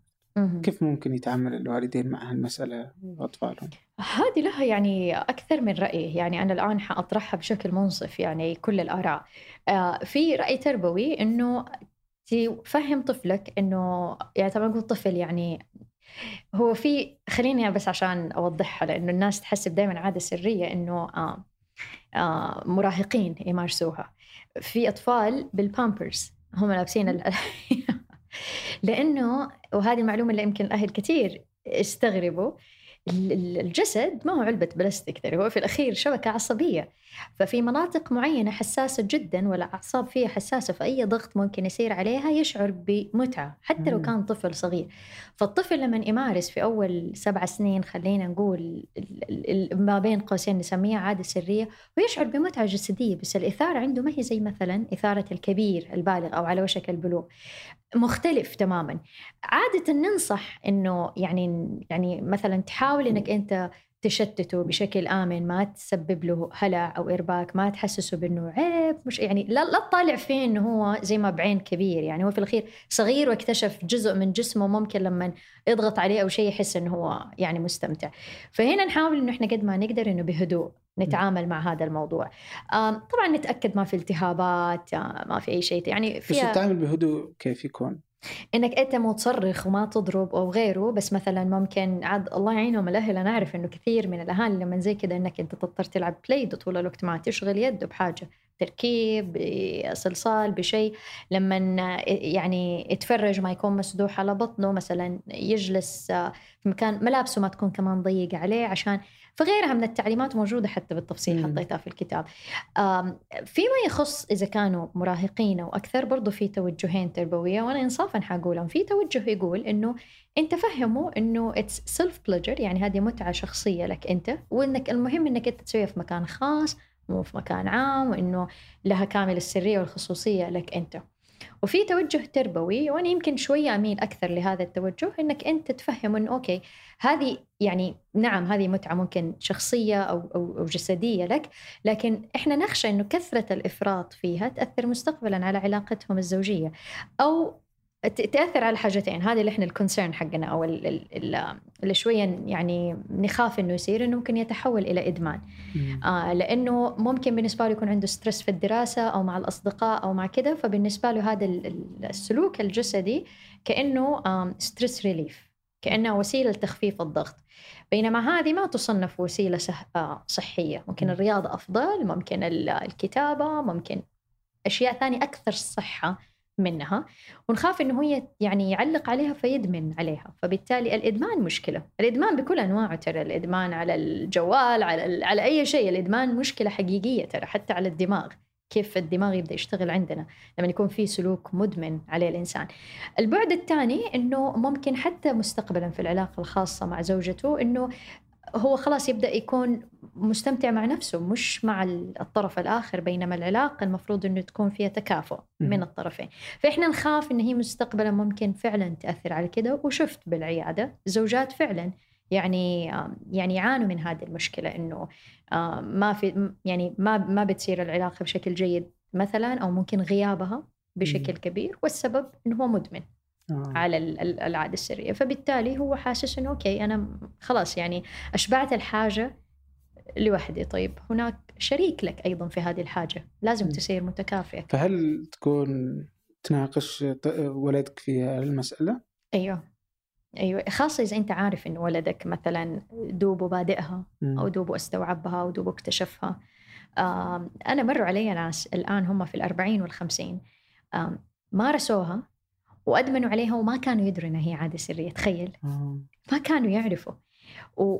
وبعدين يعني بدأوها اكتشاف شخصي وبعدين صارت إدمان وما استوعب إنه هو إدمان وفعلا ترك عليهم آثار. يعني مثلا كان يسحبهم من أنشطة اجتماعية معينة خسر كأنه مدمن عليه. لما اكتشفوا صار عندهم شعور بالعار تجاه نفسهم. آه. وهذا الشعور مرة صعب. يعني وشعور إنه أنا يعني أنا متقزز مثلا من نفسي أو غيره. يعني مثلا هذه الأوراق السانتري هذه اللي بقول لك التحليل النفسي أنا كثير من ال آه. في واحدة منهم علبة صابون ترى. أكثر الحالات اللي اللي مروا علي مروا عليهم اعتداء جنسي آه، أو تحرش جنسي أو هم مارسوا سلوكيات جنسية ما كانوا فاهمين إنها غلط دائما اختاروها لا شعوريا ويحطوها. هل لاحظت شيء مشترك؟ فكأنه يحملوا شعور بالعار بيتخلصوا منه. وأنت كأب أو أم تمنع من قاطع إيش اللي مفترض لا يمكن تمنع خلينا نقول واقعيين. أنت ما تقدر تمنع تكون على راسه 24 ساعة. لا لكن مرة ثانية the more you educate يعني كل ما عرفته كل ما شرحت له الجهاز العصبي. ترى عجيب الجهاز الجهاز العصبي مثلا كيف يشتغل ال physical sensation الملامسات الجسدية. يعني كل ما شرحت هذه الأشياء كل ما كان أكبر بالعمر وفاهم العلاقة الخاصة وان هي كيف المفروض تكون متكافئة وغيره كل ما هذا بالنسبة له منطق. يعني وأتركه يفكر فيه يعني خليه يقلب الموضوع. ترى التربية يا ريتها بضغطه زر يا ريت يعني كلنا ارتحنا. يعني فلا نحس إنه والله دحين إحنا نقول هذا الحل إنه والله حرجع أبرمج واضغط زر done لا أنت حتاخذ حتاخذ مساحة من الجدال النقاش يعني أيوه. طيب بالنسبة للميول الجنسية. كيف ممكن يتعامل الوالدين معها؟ من أي ناحية يعني ال- يعني إذا بدأ يشعر أتوقع إنه يبان على بعض الأطفال من سن صغيرة أيوه إنه مثلا هو ولد بس عليه حركات بنات أو بنت بس عليها حركات أولاد. أو ممكن مع الوقت اللي تبان تظهر كل ما زاد في أيوة، أيوة، عمره أيوة. إنه عنده ميول. آه، مثلية أيوه أيوه يعني هذا هذا موضوع شوية معقد لأنه يعني آه، له مرات تصنيفات كثير بعض التصنيفات منصفة بعضها غير منصفة يعني. هنا دائما نقول للأهل يعني كونوا منفتحين ب... وأوضح كلمة انفتاح عشان لا تنفهم غلط. مثلا أنا لما ولدي ولا بنتي مثلا يبدأ يشعر بالميول ال- مثلا جنسية مثلا لنفس الجنس أو غيره آه وسع مرة ساحتك العاطفية والفكرية. أسمع أكثر. أفهم أكثر. استعين بمتخصص؟ لأنه قد تكون هذه الميول ما هي جسدية وبالغالب هذا اللي يحصل تكون ميول عاطفية. في آم، ويعني ومرة ثانية برضه هو موضوع مثلا معقد مثلا هو يبدأ ب same ما هو مثلية هي تبدأ same sex attraction أنا أأيد هذا المصطلح العلمي إنه ميل إلى نفس الجنس ما هو مثلية ميل إلى نفس الجنس؟ مثلية يعني خلاص أنت كده تتحط جوة قالب ال LGBT. عرفت كيف؟ وهذا مرة مجحف لأنه المسألة هي أكثر تعقيد ومشربكة من إنك بس كده تضغطها كلها وتحطها هناك. okay. هي ما تتحط. بس ممكن يكون يشعر إنه هو عنده ميل لنفس الجنس. آه عادة وهذه طبعا لها جذور مرة كثير. مثلا من جذورها ممكن يكون ال ال الوالد أو يعني مثلا خلينا نقول ال ال الولد أبوه مثلا غير متواجد عاطفيا في حياته. آه، ما عنده أخوان كبار أو they are bullying him يعني يفضل طول يتنمروا عليه يأذوه. شعور الرجولة ما انبنى عنده مزبوط مثلا مشوه. أو خلينا نقول آه، ثقافة الرجولة في عائلته هو يكرهها يشوفها قاسية مثلا يشوف إنه فبالنسبة له إنه ينأى عن هوية الرجل التابعة لقبيلته أو منطقته الجغرافية كده. وبعدين مو عارف إيش يكون فيحس نفسه آسف مو مشكلة. أوكي. كمل كمل. فهو لما يميل مثلا ل يعني خلينا نقول ما يحب هذا الميل ال- ال- الذكوري مثلا لهذا مثلا خلينا نقول لذكورية مم. عائلته أو مجتمعه. فيميل يحس إن هو بين البينين عارف اللي هم لا إلى هؤلاء ولا إلى هؤلاء. فحسب بس في الأخير مرة من المهم إنه إحنا نرجع لجذور المشكلة. مم. كيف بدأت معاك؟ أنت بإيش حاسس؟ إيش الإعلام اللي بتعرض له؟ لأنه هذه كمان نقطة أخرى. يعني okay. الآن ال- الإعلام آه، يعني ما نعرف كيف ال ال- يعني ال- يطبع ال- ال- مسألة ال- كثير كثير. المثلية الجنسية؟ ومو بس كده يعني حتى في أمريكا أنا عشت عشر سنوات آخر سنتين. في نقلة غير طبيعية إنه you have the right to choose أي توجه جنسي أنت تبغاه. أنت لك الحق إنك أنت تختار أي توجه تبغاه. وترى بيدخلوا للمدارس من عمر مرة صغير وفي قصص الأطفال صارت تسير. it looks كده واو انساني يعني إنه أنت لك الحق والحريه بس هي على صعيد الصحة النفسية والعاطفية والجنسية وغيرها تسبب مشاكل كثير فهي يعني فإذا أنا بنتي وولدي بيتعرضوا لدا الإعلام اللي يقول أنت لك الحق تختار. طيب أنا في المقابل كمان أقول له أنت لك الحق تعيش حياة متزنة جنسيا واجتماعيا وعاطفيا وأشبع له هذه الحياة هل. تتعارض الاختيار مع الحياة الطبيعيه؟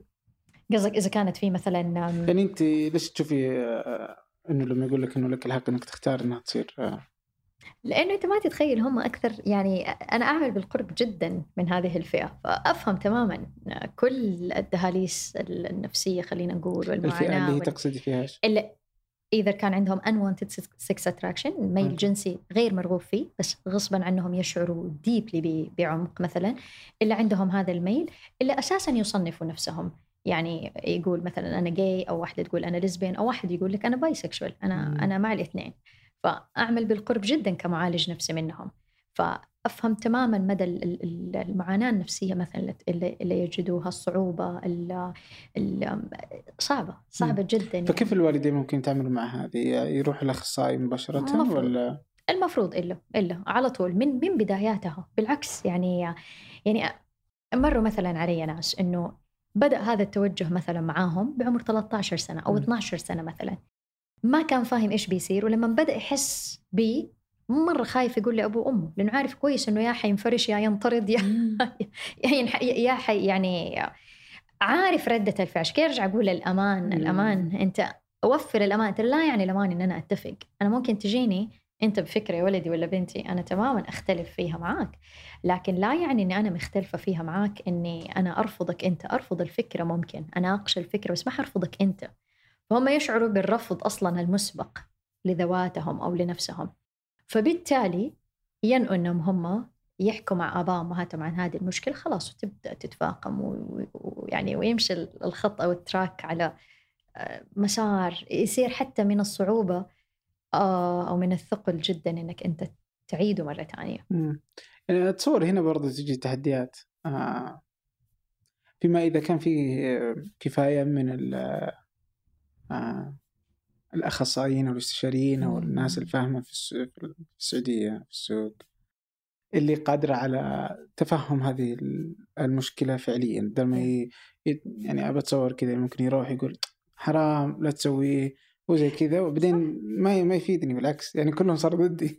أنا معظم اللي جوني ما يجوني كان كأول أول شخص مروا علي قبلي كثير من أطباء نفسيين ومعالجين نفسيين. أنا أقول لك الكلمات اللي سمعوها. أنت ملعون؟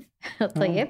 ولا أنت اللي بتسويه هذا حرام؟ ولا فين أبوك روح جيب لي هو عشان أتكلم معاه وأقول له أنه يعني انتبه عليك؟ ولا آه ولا, ولا يعني أضعف الإيمان اللي مروا علي. واحد قال أنا بس قلت للطبيب النفسي إنه I feel I'm gay يعني أحس إن أنا جاي عمل حركة بوجهه كذا إنه كأنه تقزز منه. ويقول ولا شيء ولا كملت خمسة دقائق وطلعت.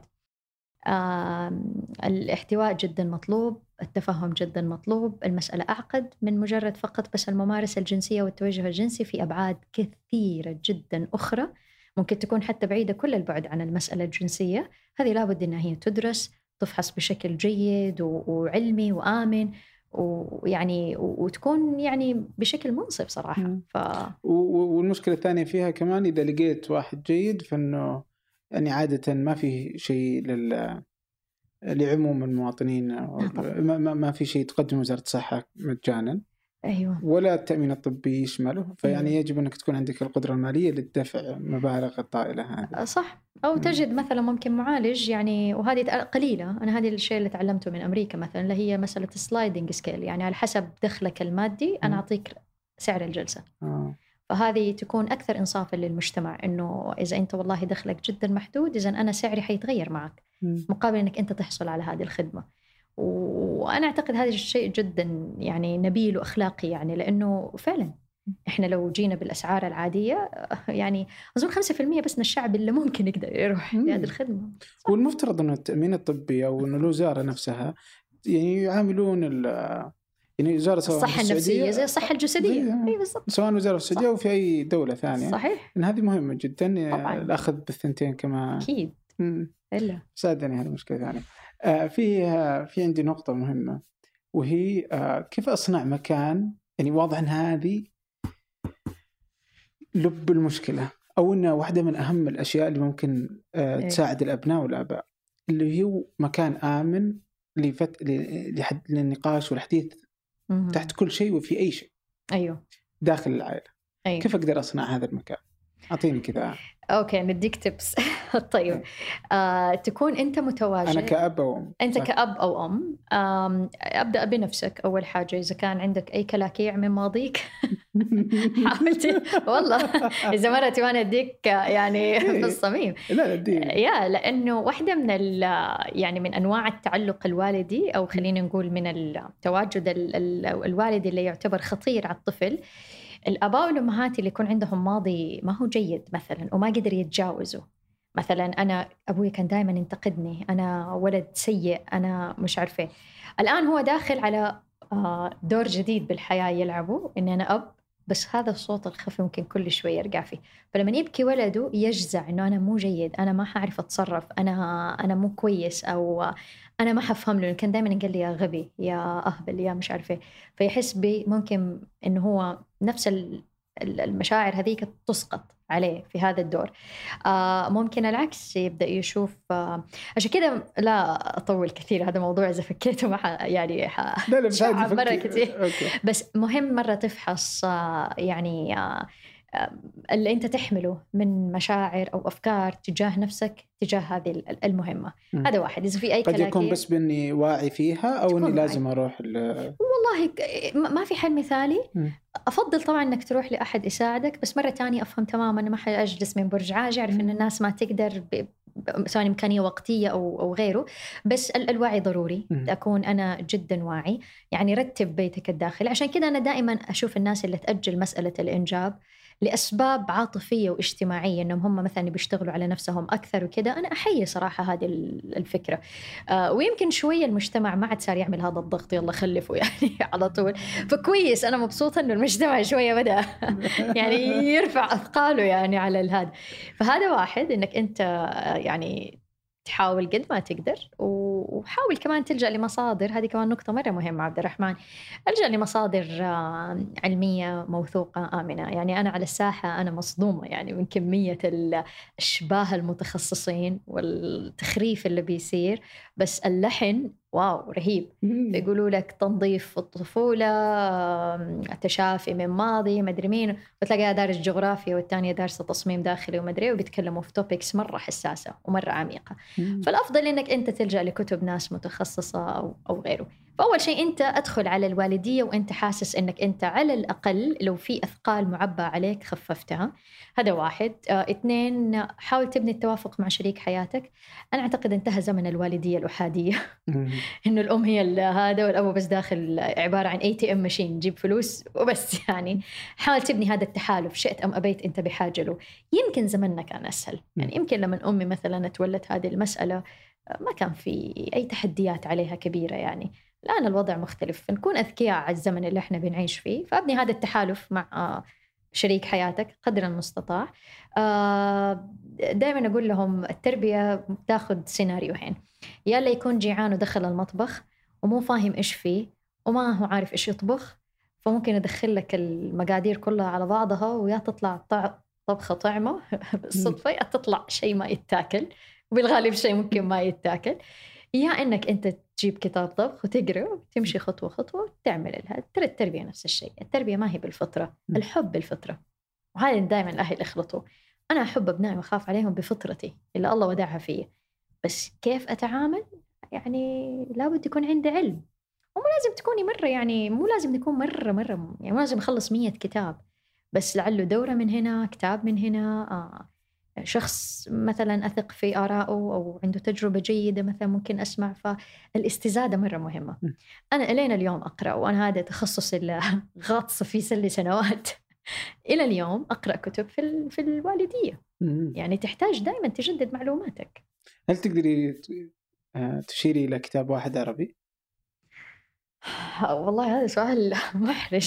سؤالي لا أنا أقول لك ليش؟ أنا انقطعت عن المكتبة العربية عشر سنوات.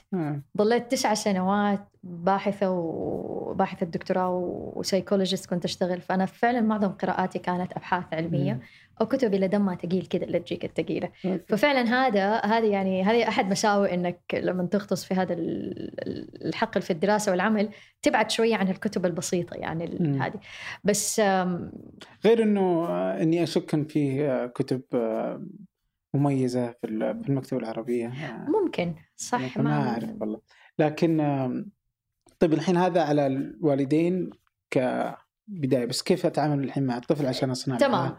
هذا كل التجهيز هذا كله جاهزية م. فكرية وعليك. الآن لما أنت تكون أب حاول تتواجد عاطفيا قبل جسديا مع أولادك. أنا أقول لك الفرق.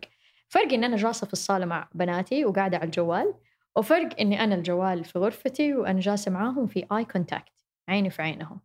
إن شاء الله أسمع حكايات سخيفة. إن شاء الله أجي احكيهم إيش سويت. نسوي أي شيء. بس يكون في طبعا هل طول الوقت؟ لا طبعا. يعني الحياة لها متطلباتها و... بس لما أتواجد معاهم تكون الجودة عالية في التواجد. هذا هو الفرق. يعني أنا مثلا في كثير من الحالات مثلا اللي مرت علي يعني وقعوا ضحايا مثلا لاعتداءات جنسية أو حتى جسدية في المدرسة أو غيرها يعني يقولوا كنا نجلس قدام ماما بس استناها تطالع في عيوني. بس تقول بس لو طالعت في عيني وقالت لي كيف حالك اليوم؟ أنا كنت مستعدة أفتح لها قلبي وأحكيها عن كل شيء بيصير. فتخيل يعني ترى مم. ترى مرات في أجزاء أشياء في الوالدية ترى ما هي صعبة.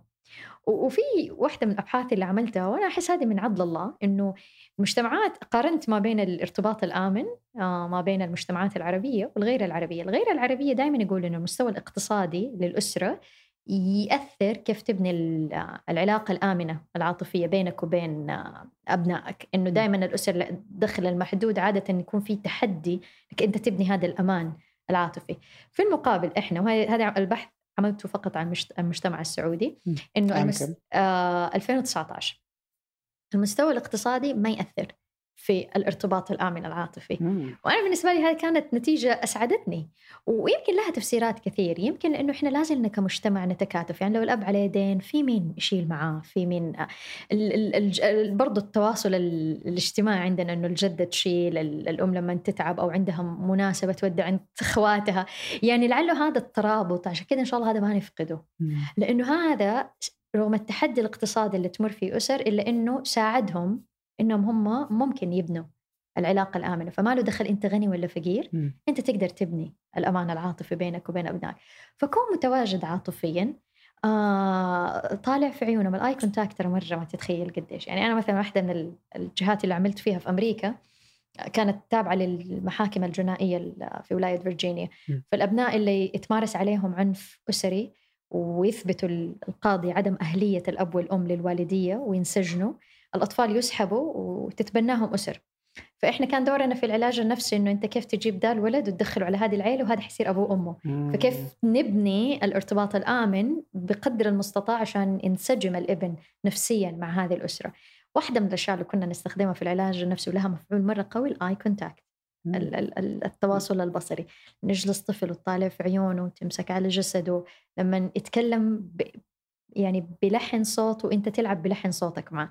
لما يحكيك شيء حزين خلي صوتك حزين زيه حكيك شيء محمس خلي وجهك يبان متحمس معاه هذا يبني هذا الطفل عمره كم؟ كل الأعمار كل عمره؟ من babies من. شهور أيوه لين لين يكبر أنا جلست قدامك وجه صامت وأنت تحكيني شيء يزعل.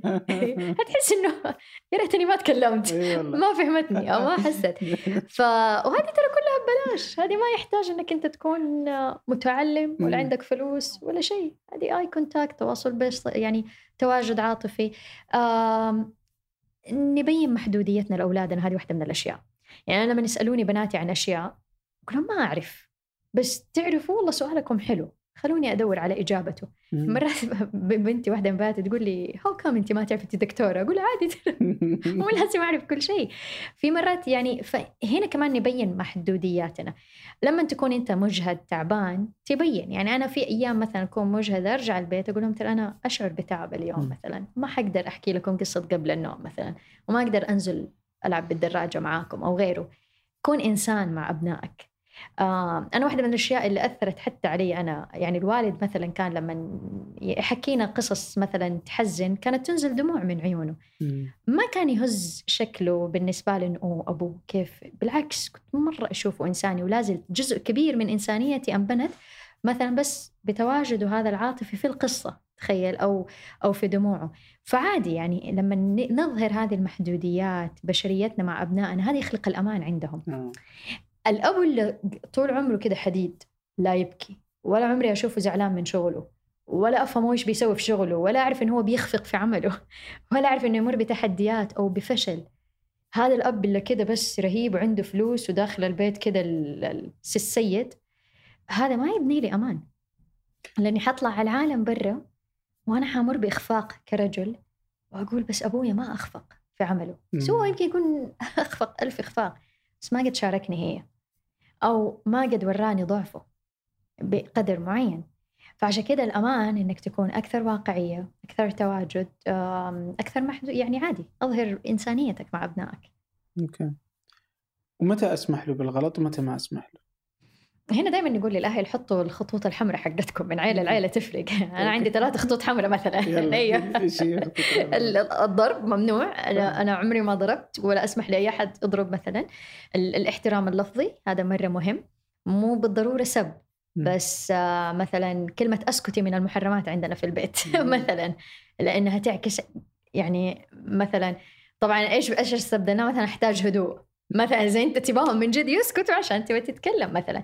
فهذه مثلا ال ال الأشياء ال- الخط الأحمر الثاني اللي هي عندنا قوانين معينة مثلا استخدام ال- الأجهزة وكذا by the way طبعا الآن أطفالي مثلا يعني أكبر شيء 12 سنة لو وصلوا 20 سنة الخطوط الحمراء هذه ممكن تختلف. مثلا فدائما نقول الأجندة الوالدية المفروض دائما تختلف يعني الأجندة الوالدية أنا مثلا كل سنة أجددها يعني كل سنة في اجتماع بيني وبين زوجي الأجندة الوالدية السنة الجاية. إحنا حنركز على إيش؟ إيش أشياء واجندتي الوالدية في أمريكا مثلا لما كنت عايشة مو زي هنا مختلفة. مم. فدائما نجدد يعني أنت لو عندك شراكة يا عبد الرحمن مع أحد مع شريكك أنت لازم تراجع حساباتكم آه، لازم تشوف فين أخفقت الشركة عشان تطورها. صحيح. طب أخطر شركه هي ال- الأسرة. فلازم دائما يصير هذا ال- المراجعة يعني أيوه. مم. فمساحة الخطأ من عيلة لعيلة تفرق. آه، كيف أتعامل مع الغلط؟ أنا دائما أقول إحنا دائما ردة فعلنا غلط يتعاقب والنية دائما ال reaction الأول عشان يوقف الغلط. مم. بس okay هو حيوقفه ممكن في حضرتك. بس إذا أنت اختفيت من قدامه حيكمل الغلط. فدائما لما يصير غلط أسأل نفسك سؤال ليش صار الغلط؟ مم. هنا مربط الفرس. هنا أنت تعالج الغلط بط- بطريقة يعني يعني على قولهم for long term لبعيدة المدى. إذا صار هذا الغلط يمكن كان في حسن نية فيه أو يمكن في قلة معرفة. ممكن أنا أخفقت. أنا كأم مثلا في مهاره معينة ما ما علمتهم هي. فالغلطة هنا بدأت مو عندهم مثلا. فنحتاج نعرف ليش. طيب اديني مثال. كيف أقدر. أتعامل؟ كذا خطأ وكيف ممكن أتعامل معه؟ okay خلينا أديك آه، مثال. آه أيوه. مثلا آه، هذه مثلا صارت قصة لواحده من بناتي استدعوا. ما اعرف اذا ينفع. احكي لو سمعت البودكاست بكرة okay. هي مثلا استدعوني المدرسة إنها هي مثلا آه قالت لزميلتها آه مثلا شعرك خشن ما حاسوي لك هو. طيب بالنسبة لهم هذه في أمريكا discrimination و racism أوه. والموضوع أتصعد. فلما طبعا أنا بالنسبة لي إنه فشلة كيف تقول دي الكلمة يعني أنا كأم وهذه شيء ثاني لا تأخذ أخطاء أولادك شخصيه personally فلما رجعت سمعت منها هي بنتي شاطره من هي عمرها كانت خمس سنين تعرف تسوي ضفاير فكل الفصل يتجمع عشان هي تسوي لهم ضفاير فجاتها واحدة يعني من أصول أفريقية فبنتي ما تعرف تتعامل مع هذا النوع من الشعر. فقالت لها بكرة بكرة كل يوم تصرفي خايفة ما يعرف إيش تقول لها. بعدين اضطرت في الأخير تقول لها إنه شعرك يعني مثلا خشن ما أقدر أسوي لك. وأديك طبعا حست بإهانة. هناك ذيك الساعة يعني حسيت إنه طيب يمكن إحنا ما قد تكلمنا أكثر إنه إحنا كيف لما أنت تبغى ترفض شيء بس ترفضه بأكثر من طريقة مو بس. تصرف. أو تقول الحقيقة. فهمت؟ يعني هي بنتي كان عندها خيارين. إنها تصرفها وما زبطت كان حل مؤقت يا إنها هي قالت على طول آه، كلمة كده عص على ال- يعني مباشرة. صريحه مباشرة. طيب يمكن كان في حلول في النص. فضلينا نفكر إنه إيوه صح. يمكن أنا كمان كأم أنا يمكن ما عندي هذه ال- يعني يمكن أوكي يمكن أنا نفسي ما يمكن أنا طبيعتي اكون جدا مباشرة. مع الناس. يا أكون مرة بس لطيفة وأصرف. فيمكن هذه مهارة إنه هي نحتاج نطور فيها نفسنا مع بعض. فضلنا نحكي في هذا الموضوع أتذكر ضلينا نحكي فيها كثير ونفكر كيف ممكن الواحد إنه ما يأذي مشاعر الناس بس كمان يتكلم. وقيس على كده. قيس على كده يعني أوكي طيب. كيف الوضع جمال؟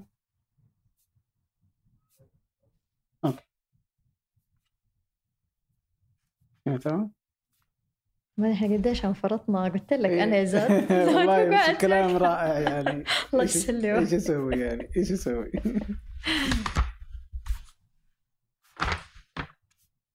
إذا جاهز أنت عبد الرحمن ما عندك أطفال ها؟ لا واضح عشان كذا متكي مرتاح جاهزين طيب نبدا تصوير وخلاص okay لا لا الحمد لله. يا استمتع بقدر المستطاع. آه، على ذا الموضوع كيف تتعامل مع تطفش من أولادك أحيانا؟ صح؟ طبعا مم. أنا إنسان إيه. كيف تتعامل مع أني ما أنا ماني خلق ما أبغى. يعني خلاص ساعتين ألعب معك خلاص يعني. أيوه. إيش أسوي فيك؟ آه، أول حاجة حاجتين. ما أبغى ادفه على جوال. فاهمة؟ أيوه. أنا ما أبغى أقول له يلا خلاص روح شغل لك مقطع وفكني منك. أيوه أيوه. أعطيته ساعتين بس خلاص يعني. أيوه. إي طبعا وهذه تصير. أول حاجة قبل ما أوصل لمرحلة الإجهاد الإجهاد الكبيرة هذه اللي تخليك تتحول كذا أمنا الغولة ولا أبونا الغولة. تحاول تعرف أنت علامات الإجهاد عندك. ف... فقبل ما توصل لل... قولهم للحافة تكون أنت خلاص عارف انه والله هذه مؤشرات مثلا بدأ ظهري يوجعني أقدر أجلس على الأرض كثير معاكم مثلا نلعب لعبة أو أو أنا عندي يومي طويل مثلا فخلاص أنا أعرف العلامات. فاولا عادي قول لطفلك ترى ماما تعبانة تحتاج ترتاح. فيعني تدخل ترتاح أنت من حقك يعني. أنا أمس برتب الغرفة ولقيت بنتي من كم شهر أنا أحب أجمع هذه النوتس. فلقيتها كاتبت لي يعني هي كتبتها من فترة بس أمس برتبها في الأوراق. قالت لي ماما ترى أنا قفلت عليك الباب بالمفتاح عشان أخواتي لا يدقوا عليك الباب والمفتاح معايا. فدقي على تليفون البيت عشان أجي افتح لك الباب. لأني أنا أتذكر وصرت أضحك شفت الورقة تذكرت إن أنا يوم كنت راجعة من شغل كنت محتاجة بس أنام نص ساعة لأني كنت مرة تعبانة وسهرانة قبلها بالليل وداومت بدري فقلت لهم أنا أحتاج أدخل أنام. الكبيرة فاهمة إيش يعني تحتاج. في كان مرة عندها حساسية تجاه هذا الموضوع إنه من جد روحي نامي. ثمانية سنينها خمس سنين هذه اللي أنسى الموضوع هذه إيجو سنتر يعني إذا تبغاني تبغاني يعني لو في إيش ما تكوني. فهي لأنها فهمت قامت قفلت الباب بالمفتاح عشان لا هذا وحطت لي هذه الورقة من تحت الباب وأخذت أخواتها. آه. فأنت لما تشارك أبنائك هذه يعني خلينا نقول يومياتك أو لما تعرض لهم هو بطريقة كمان مو ترى أنا اللي مذبوحة وتعبانة وبسوي ده كله عشانكم. هذه ترى طريقة فيها ابتزاز عاطفي أنا ما احبها لكن لما تكون أنت تعبان تحكي لهم وأحتاج أرتاح أنت بتعلمهم إن هم كمان لما يتعبوا يعرفوا يقولوا أنا تعبان وأحتاج أرتاح. تعرف في ناس وأنا متأكدة يمكن مروا عليك دول الناس في حياتك اللي يعني تصرفوا تصرفات مرة مؤذية عاطفيا وتضايق وفي الأخير هو بس لو قال لك أنا تعبان كان ريحك. يعني عرف دول اللي يحيروك؟ يعني تلاقيه تعبان وبس قاعد كده يلف حوالين نفسه مو عارف إيش يبغى. آه لكن من عمر صغير لما تقول له إن أنا تعبان وأحتاج أرتاح فأنت خليته يقدر يعبر عن نفسه ويفهم نفسه وكمان يعني يبين للآخر إنه أنا إيش احتياجي. لو حتى اعترضوا أنا ما أشوف هذا الاعتراض. يعني مثلا أوه لا دحين نبى نلعب. عادي يعني لا يبتزوكم أطفالكم عاطفيا. هذه كمان نقطة ثانية. ترى هم مرة شطار في الابتزاز العاطفي. أنا قاعد ساعة استنى ما أدري it's okay بس أنا أحتاج أرتاح لأن لو ما ارتحت أنا ما حقدر ألعب كويس. فحتى لو صار في ابتزاز عاطفي أنا أعرف إنك أنت نعترف بمشاعرهم. نعرف إنك أنت نفسك تلعب دحين. أنا مش عارفة نعترف. بس في الأخير يعني القواعد ترى مهمة. الطفل اللي يتربى في بيت وهذه أبحاث كثير يعني يعني عرجت عليها. اللي يتربى في بيت ما في له قوانين وكذا يعني الدنيا سبهلله ما في شيء واضح ما في أنظمة ما في خصوصيات للآخر حدود كل فرد في العيلة. هذه هي الأسرة تطلع منها مشاكل كثير وتسبب هلع وإرباك في النمو الشخصي عند الإنسان. لأنه بكرة حيطلع في الشغل حسب إنه الدنيا كده زي كده سبهلله ما في قوانين على كيفي أو ما حد يحترم محدودياتي أو أو غيره. yeah. طيب كتابك كم اخذ معك آه، شغل عليه؟ آه، من أول ما بدأت الفكرة إني أنا حسيت إنه ليه ما ساعد الأهالي إنهم هم يعرفوا هذا الكلام كان 2016 م. إحنا نتكلم على أربع سنوات. آه شهور تحضير المحتوى قدمت online courses بس بعدين بعد ما قدمت اونلاين كورسز حسيت إنه كنت أحط مراجع للأهل للصور والمراجع كلها أجنبية. وأنا نفسي أحس إنه ما تشبهنا كثير. يعني م. الصورة علمية صح؟ بس ما فيها نكهة ثقافتنا. فكلمت الرسامة إيمان القرشي وأنا يعني أحييها حقيقي من هنا قلت لها إيمان الدورة اللي بسويها بقلبها كتاب. عشان كمان الدورة كانت لفترة معينة وانتهي اشتراك الآباء. أنا أبغى مرجع ثابت في كل بيت. لأنه أنت ممكن يكون عندك 12 سنة وخمس سنين. وهذا الخمسة بكرة حيصير 12 سنة. ما تنسى المعلومة. تبغاها محفوظة وأبغى أدعمها بالصور. ما لقيت أي مرجع عربي. حقيقي قعدت أدور. مرة ما لقيت أي شيء يخص الجنس في العالم العربي. فقط قصص أبو لا تلمسني تحرش مدري هذا ما يكفي. وهذا مو كافي. كل الضحايا اللي بيجون يكونوا أصلا قارين لهم دي القصص. فهذا مو كافي. فاشتغلت بداية على الكتاب. طبعا حللت نتائج الناس اللي حضرت الدورة زي ما قلت لك لأنه في الأخير ألبس قبعة الباحث يعني والمحلل. فأخذتها ورجعت عملت الكتاب. القصة المضحكة إنه إيمان لما حكيت لها على فكرة الكتاب قالت لي إحنا حنرسم كل شيء كل شيء قلت لها أيوة، كل شيء كل شيء. قلت تعطيني يوم انهار وارجع لك ثاني وفعلا يعني أخذت يوم كامل تخيلت كل شيء. حتى كانت قالت لي اسمعي يمكن ما أكتب اسمك اكتب عاشقة الظلام يعني عشان أنا أدرك تماما الموضوع. أنا عارفة إنه حساس. وظلينا أخذنا سنة في الرسومات سنة في صياغة الكتاب مرتين لأنه لما تحضر دورة مو زي كتاب المراجعة اللغوية وغيره. فالكتاب فعلا أخذ قرابة ثلاث سنوات تقريبا. أيوه.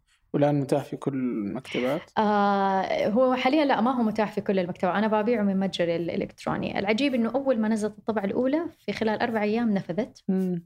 وأنا مرة استغرب يعني ما المفروض كثير استغرب لأن أنا المفروض عارفه الحاجة. بس ضاعفنا الكمية في الطبعة الثانية في خلال أسبوعين أو أقل نفذت. الآن الطبعة الثالثة مرة ضاعفناها كثير على وشك إنها هي كمان تنتهي. آه عندنا موزعين في دول الخليج في آه في أوروبا كمان في ال ال ال أنا ليه ببيعه من متجري؟ لأنه يوصل من على طول لباب بيتك. يعني بس تطلبه من المتجر يعني في خلال أسبوع هو عند باب بيتك. فطريقة مرة أسهل. ولأنه الكتاب نزل في زمن كورونا فالمكتبات كانت يعني كانت أوكي. تقريبا قافلة وكذا. لعلها تكون في مكتبات إن شاء الله قريب. إن شاء الله. وبضع رابط المتجر في وصف الحلقة اللي يبغاه. آه آخر حاجة ماذا لو كانت هذه ال... هذا التعليم اللي أنت مثلا تقولي مثلا في كتاب بين الوالدين والأطفال إنه مثلا تتبناه مثلا وزارة. يعني أتوقع ما في إلا تونس عربيا هي اللي تدرس آه، أيوه. هذه المواضيع في المدرسة. أها وأدري إنك ضدها بس ماني عارف ليش ضد تعليم المواضيع الجنسية في المدرسة؟ آه لأنه آه عندي أكثر من سبب. آه أولا أؤمن بالتدرج المعلومة هذا م. واحد. آه وأؤمن إن هي آه المفروض تنعطى وفيها روح من الأمان العاطفي. أنا كنت في أمريكا كانوا يطلبوني أجي بالمدارس أحكي عن هذا الموضوع سواء مدارس عربية أو حتى الأمريكية. فكنت أقول لهم أنا حظهر للأطفال شخص غريب ساعة زمان ساعتين حأعطيهم المحتوى وأختفي. طيب حتثار عندهم أسئلة. حيبي يسأل أكثر حيتحرج يعني بنسبة كبيرة حيجي يتحرج يسألني مين أنا؟ أنا فجأة ظهرت في حياته ورحت.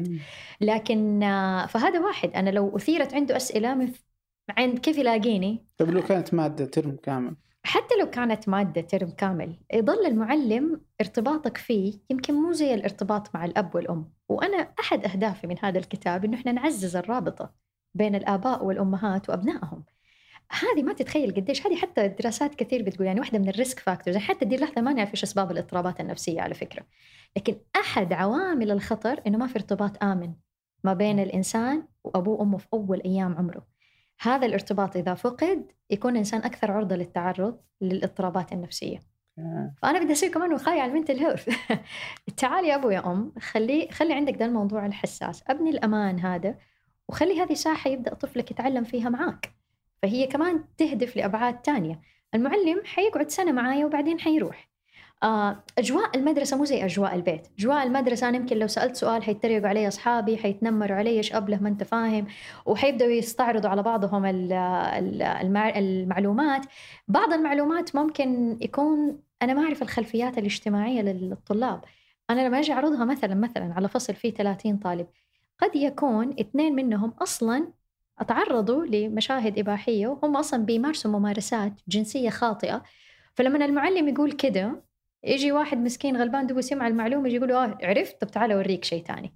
عرفت كيف؟ آه. يعني أنا أشوف هذه المشاهد لأنه هذه اللي أشوفها في العيادة لما تيجي عندي. ف آه، لذلك أنا يعني أتمنى إنه هذه تصير كورسات إجبارية على الأهل إنهم يأخذوها مثلا. يعني مثلا من ضمن الأشياء اللي أنا سعيدة مثلا إنه الآن أي وحدة تولد تجيها وحده آه، أخصائية رضاعة تشرح لها عن الرضاعة الطبيعية. عشان كذا نسبة الرضاعة الطبيعية الآن ارتفعت عندنا لأنه الأم وهي دوبها والدة غصبا عنك حتاخذي معلومات عن الرضاعة الطبيعية قبل ما تطلع من المستشفى. فالتوعية إنك أنت لما تديها معرفة أنت تنمي سلوك عندها وتوجه. فأنا ليه ما كمان أعطي هذه التوعية للأهل؟ عشان يبدأ يصير عندهم هذا التوجه.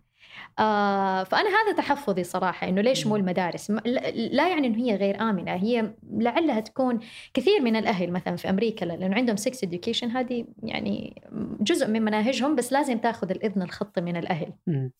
فكثير أهل لما يوقعوا لما أسألهم يقولوا لك أنا صراحة مو مرة يعني أنا ما بالمدرسة أتعلمه بس أنا خايف. ف آه خلاص أيوه. عارف دي الحركة إنه يعني شيلوا عني هذا الهم.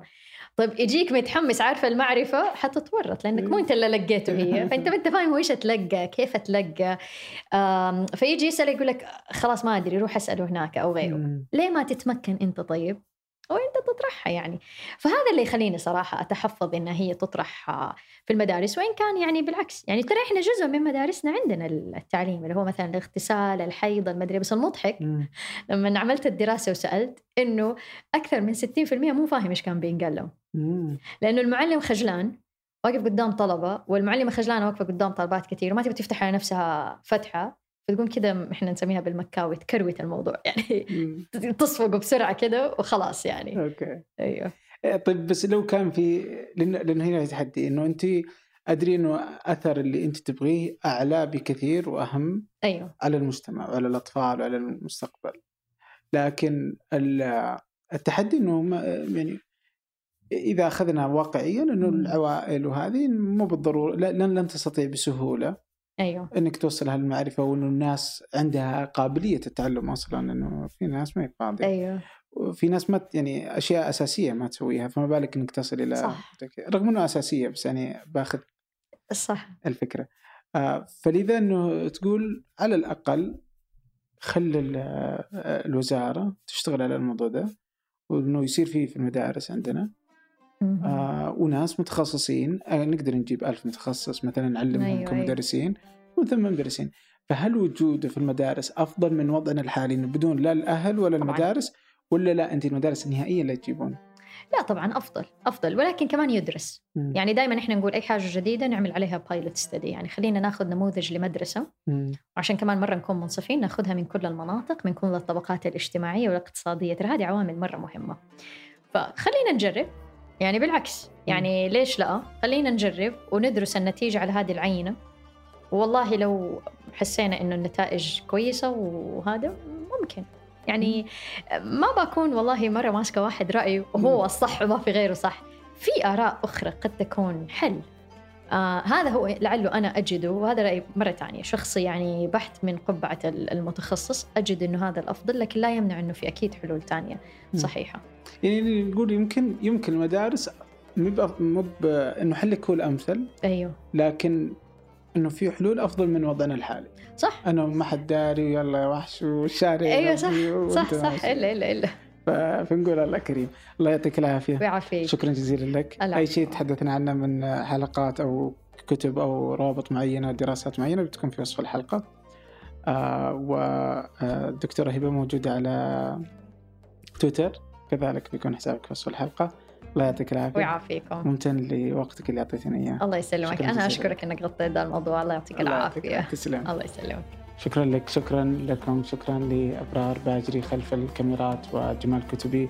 آه، محمد الحسن في الهندسة الصوتية في الأعداد والتنسيق سحر سليمان هذا فنجان أحد منتجات شركة ثمانية للنشر والتوزيع. الأسبوع المقبل. ألقاكم.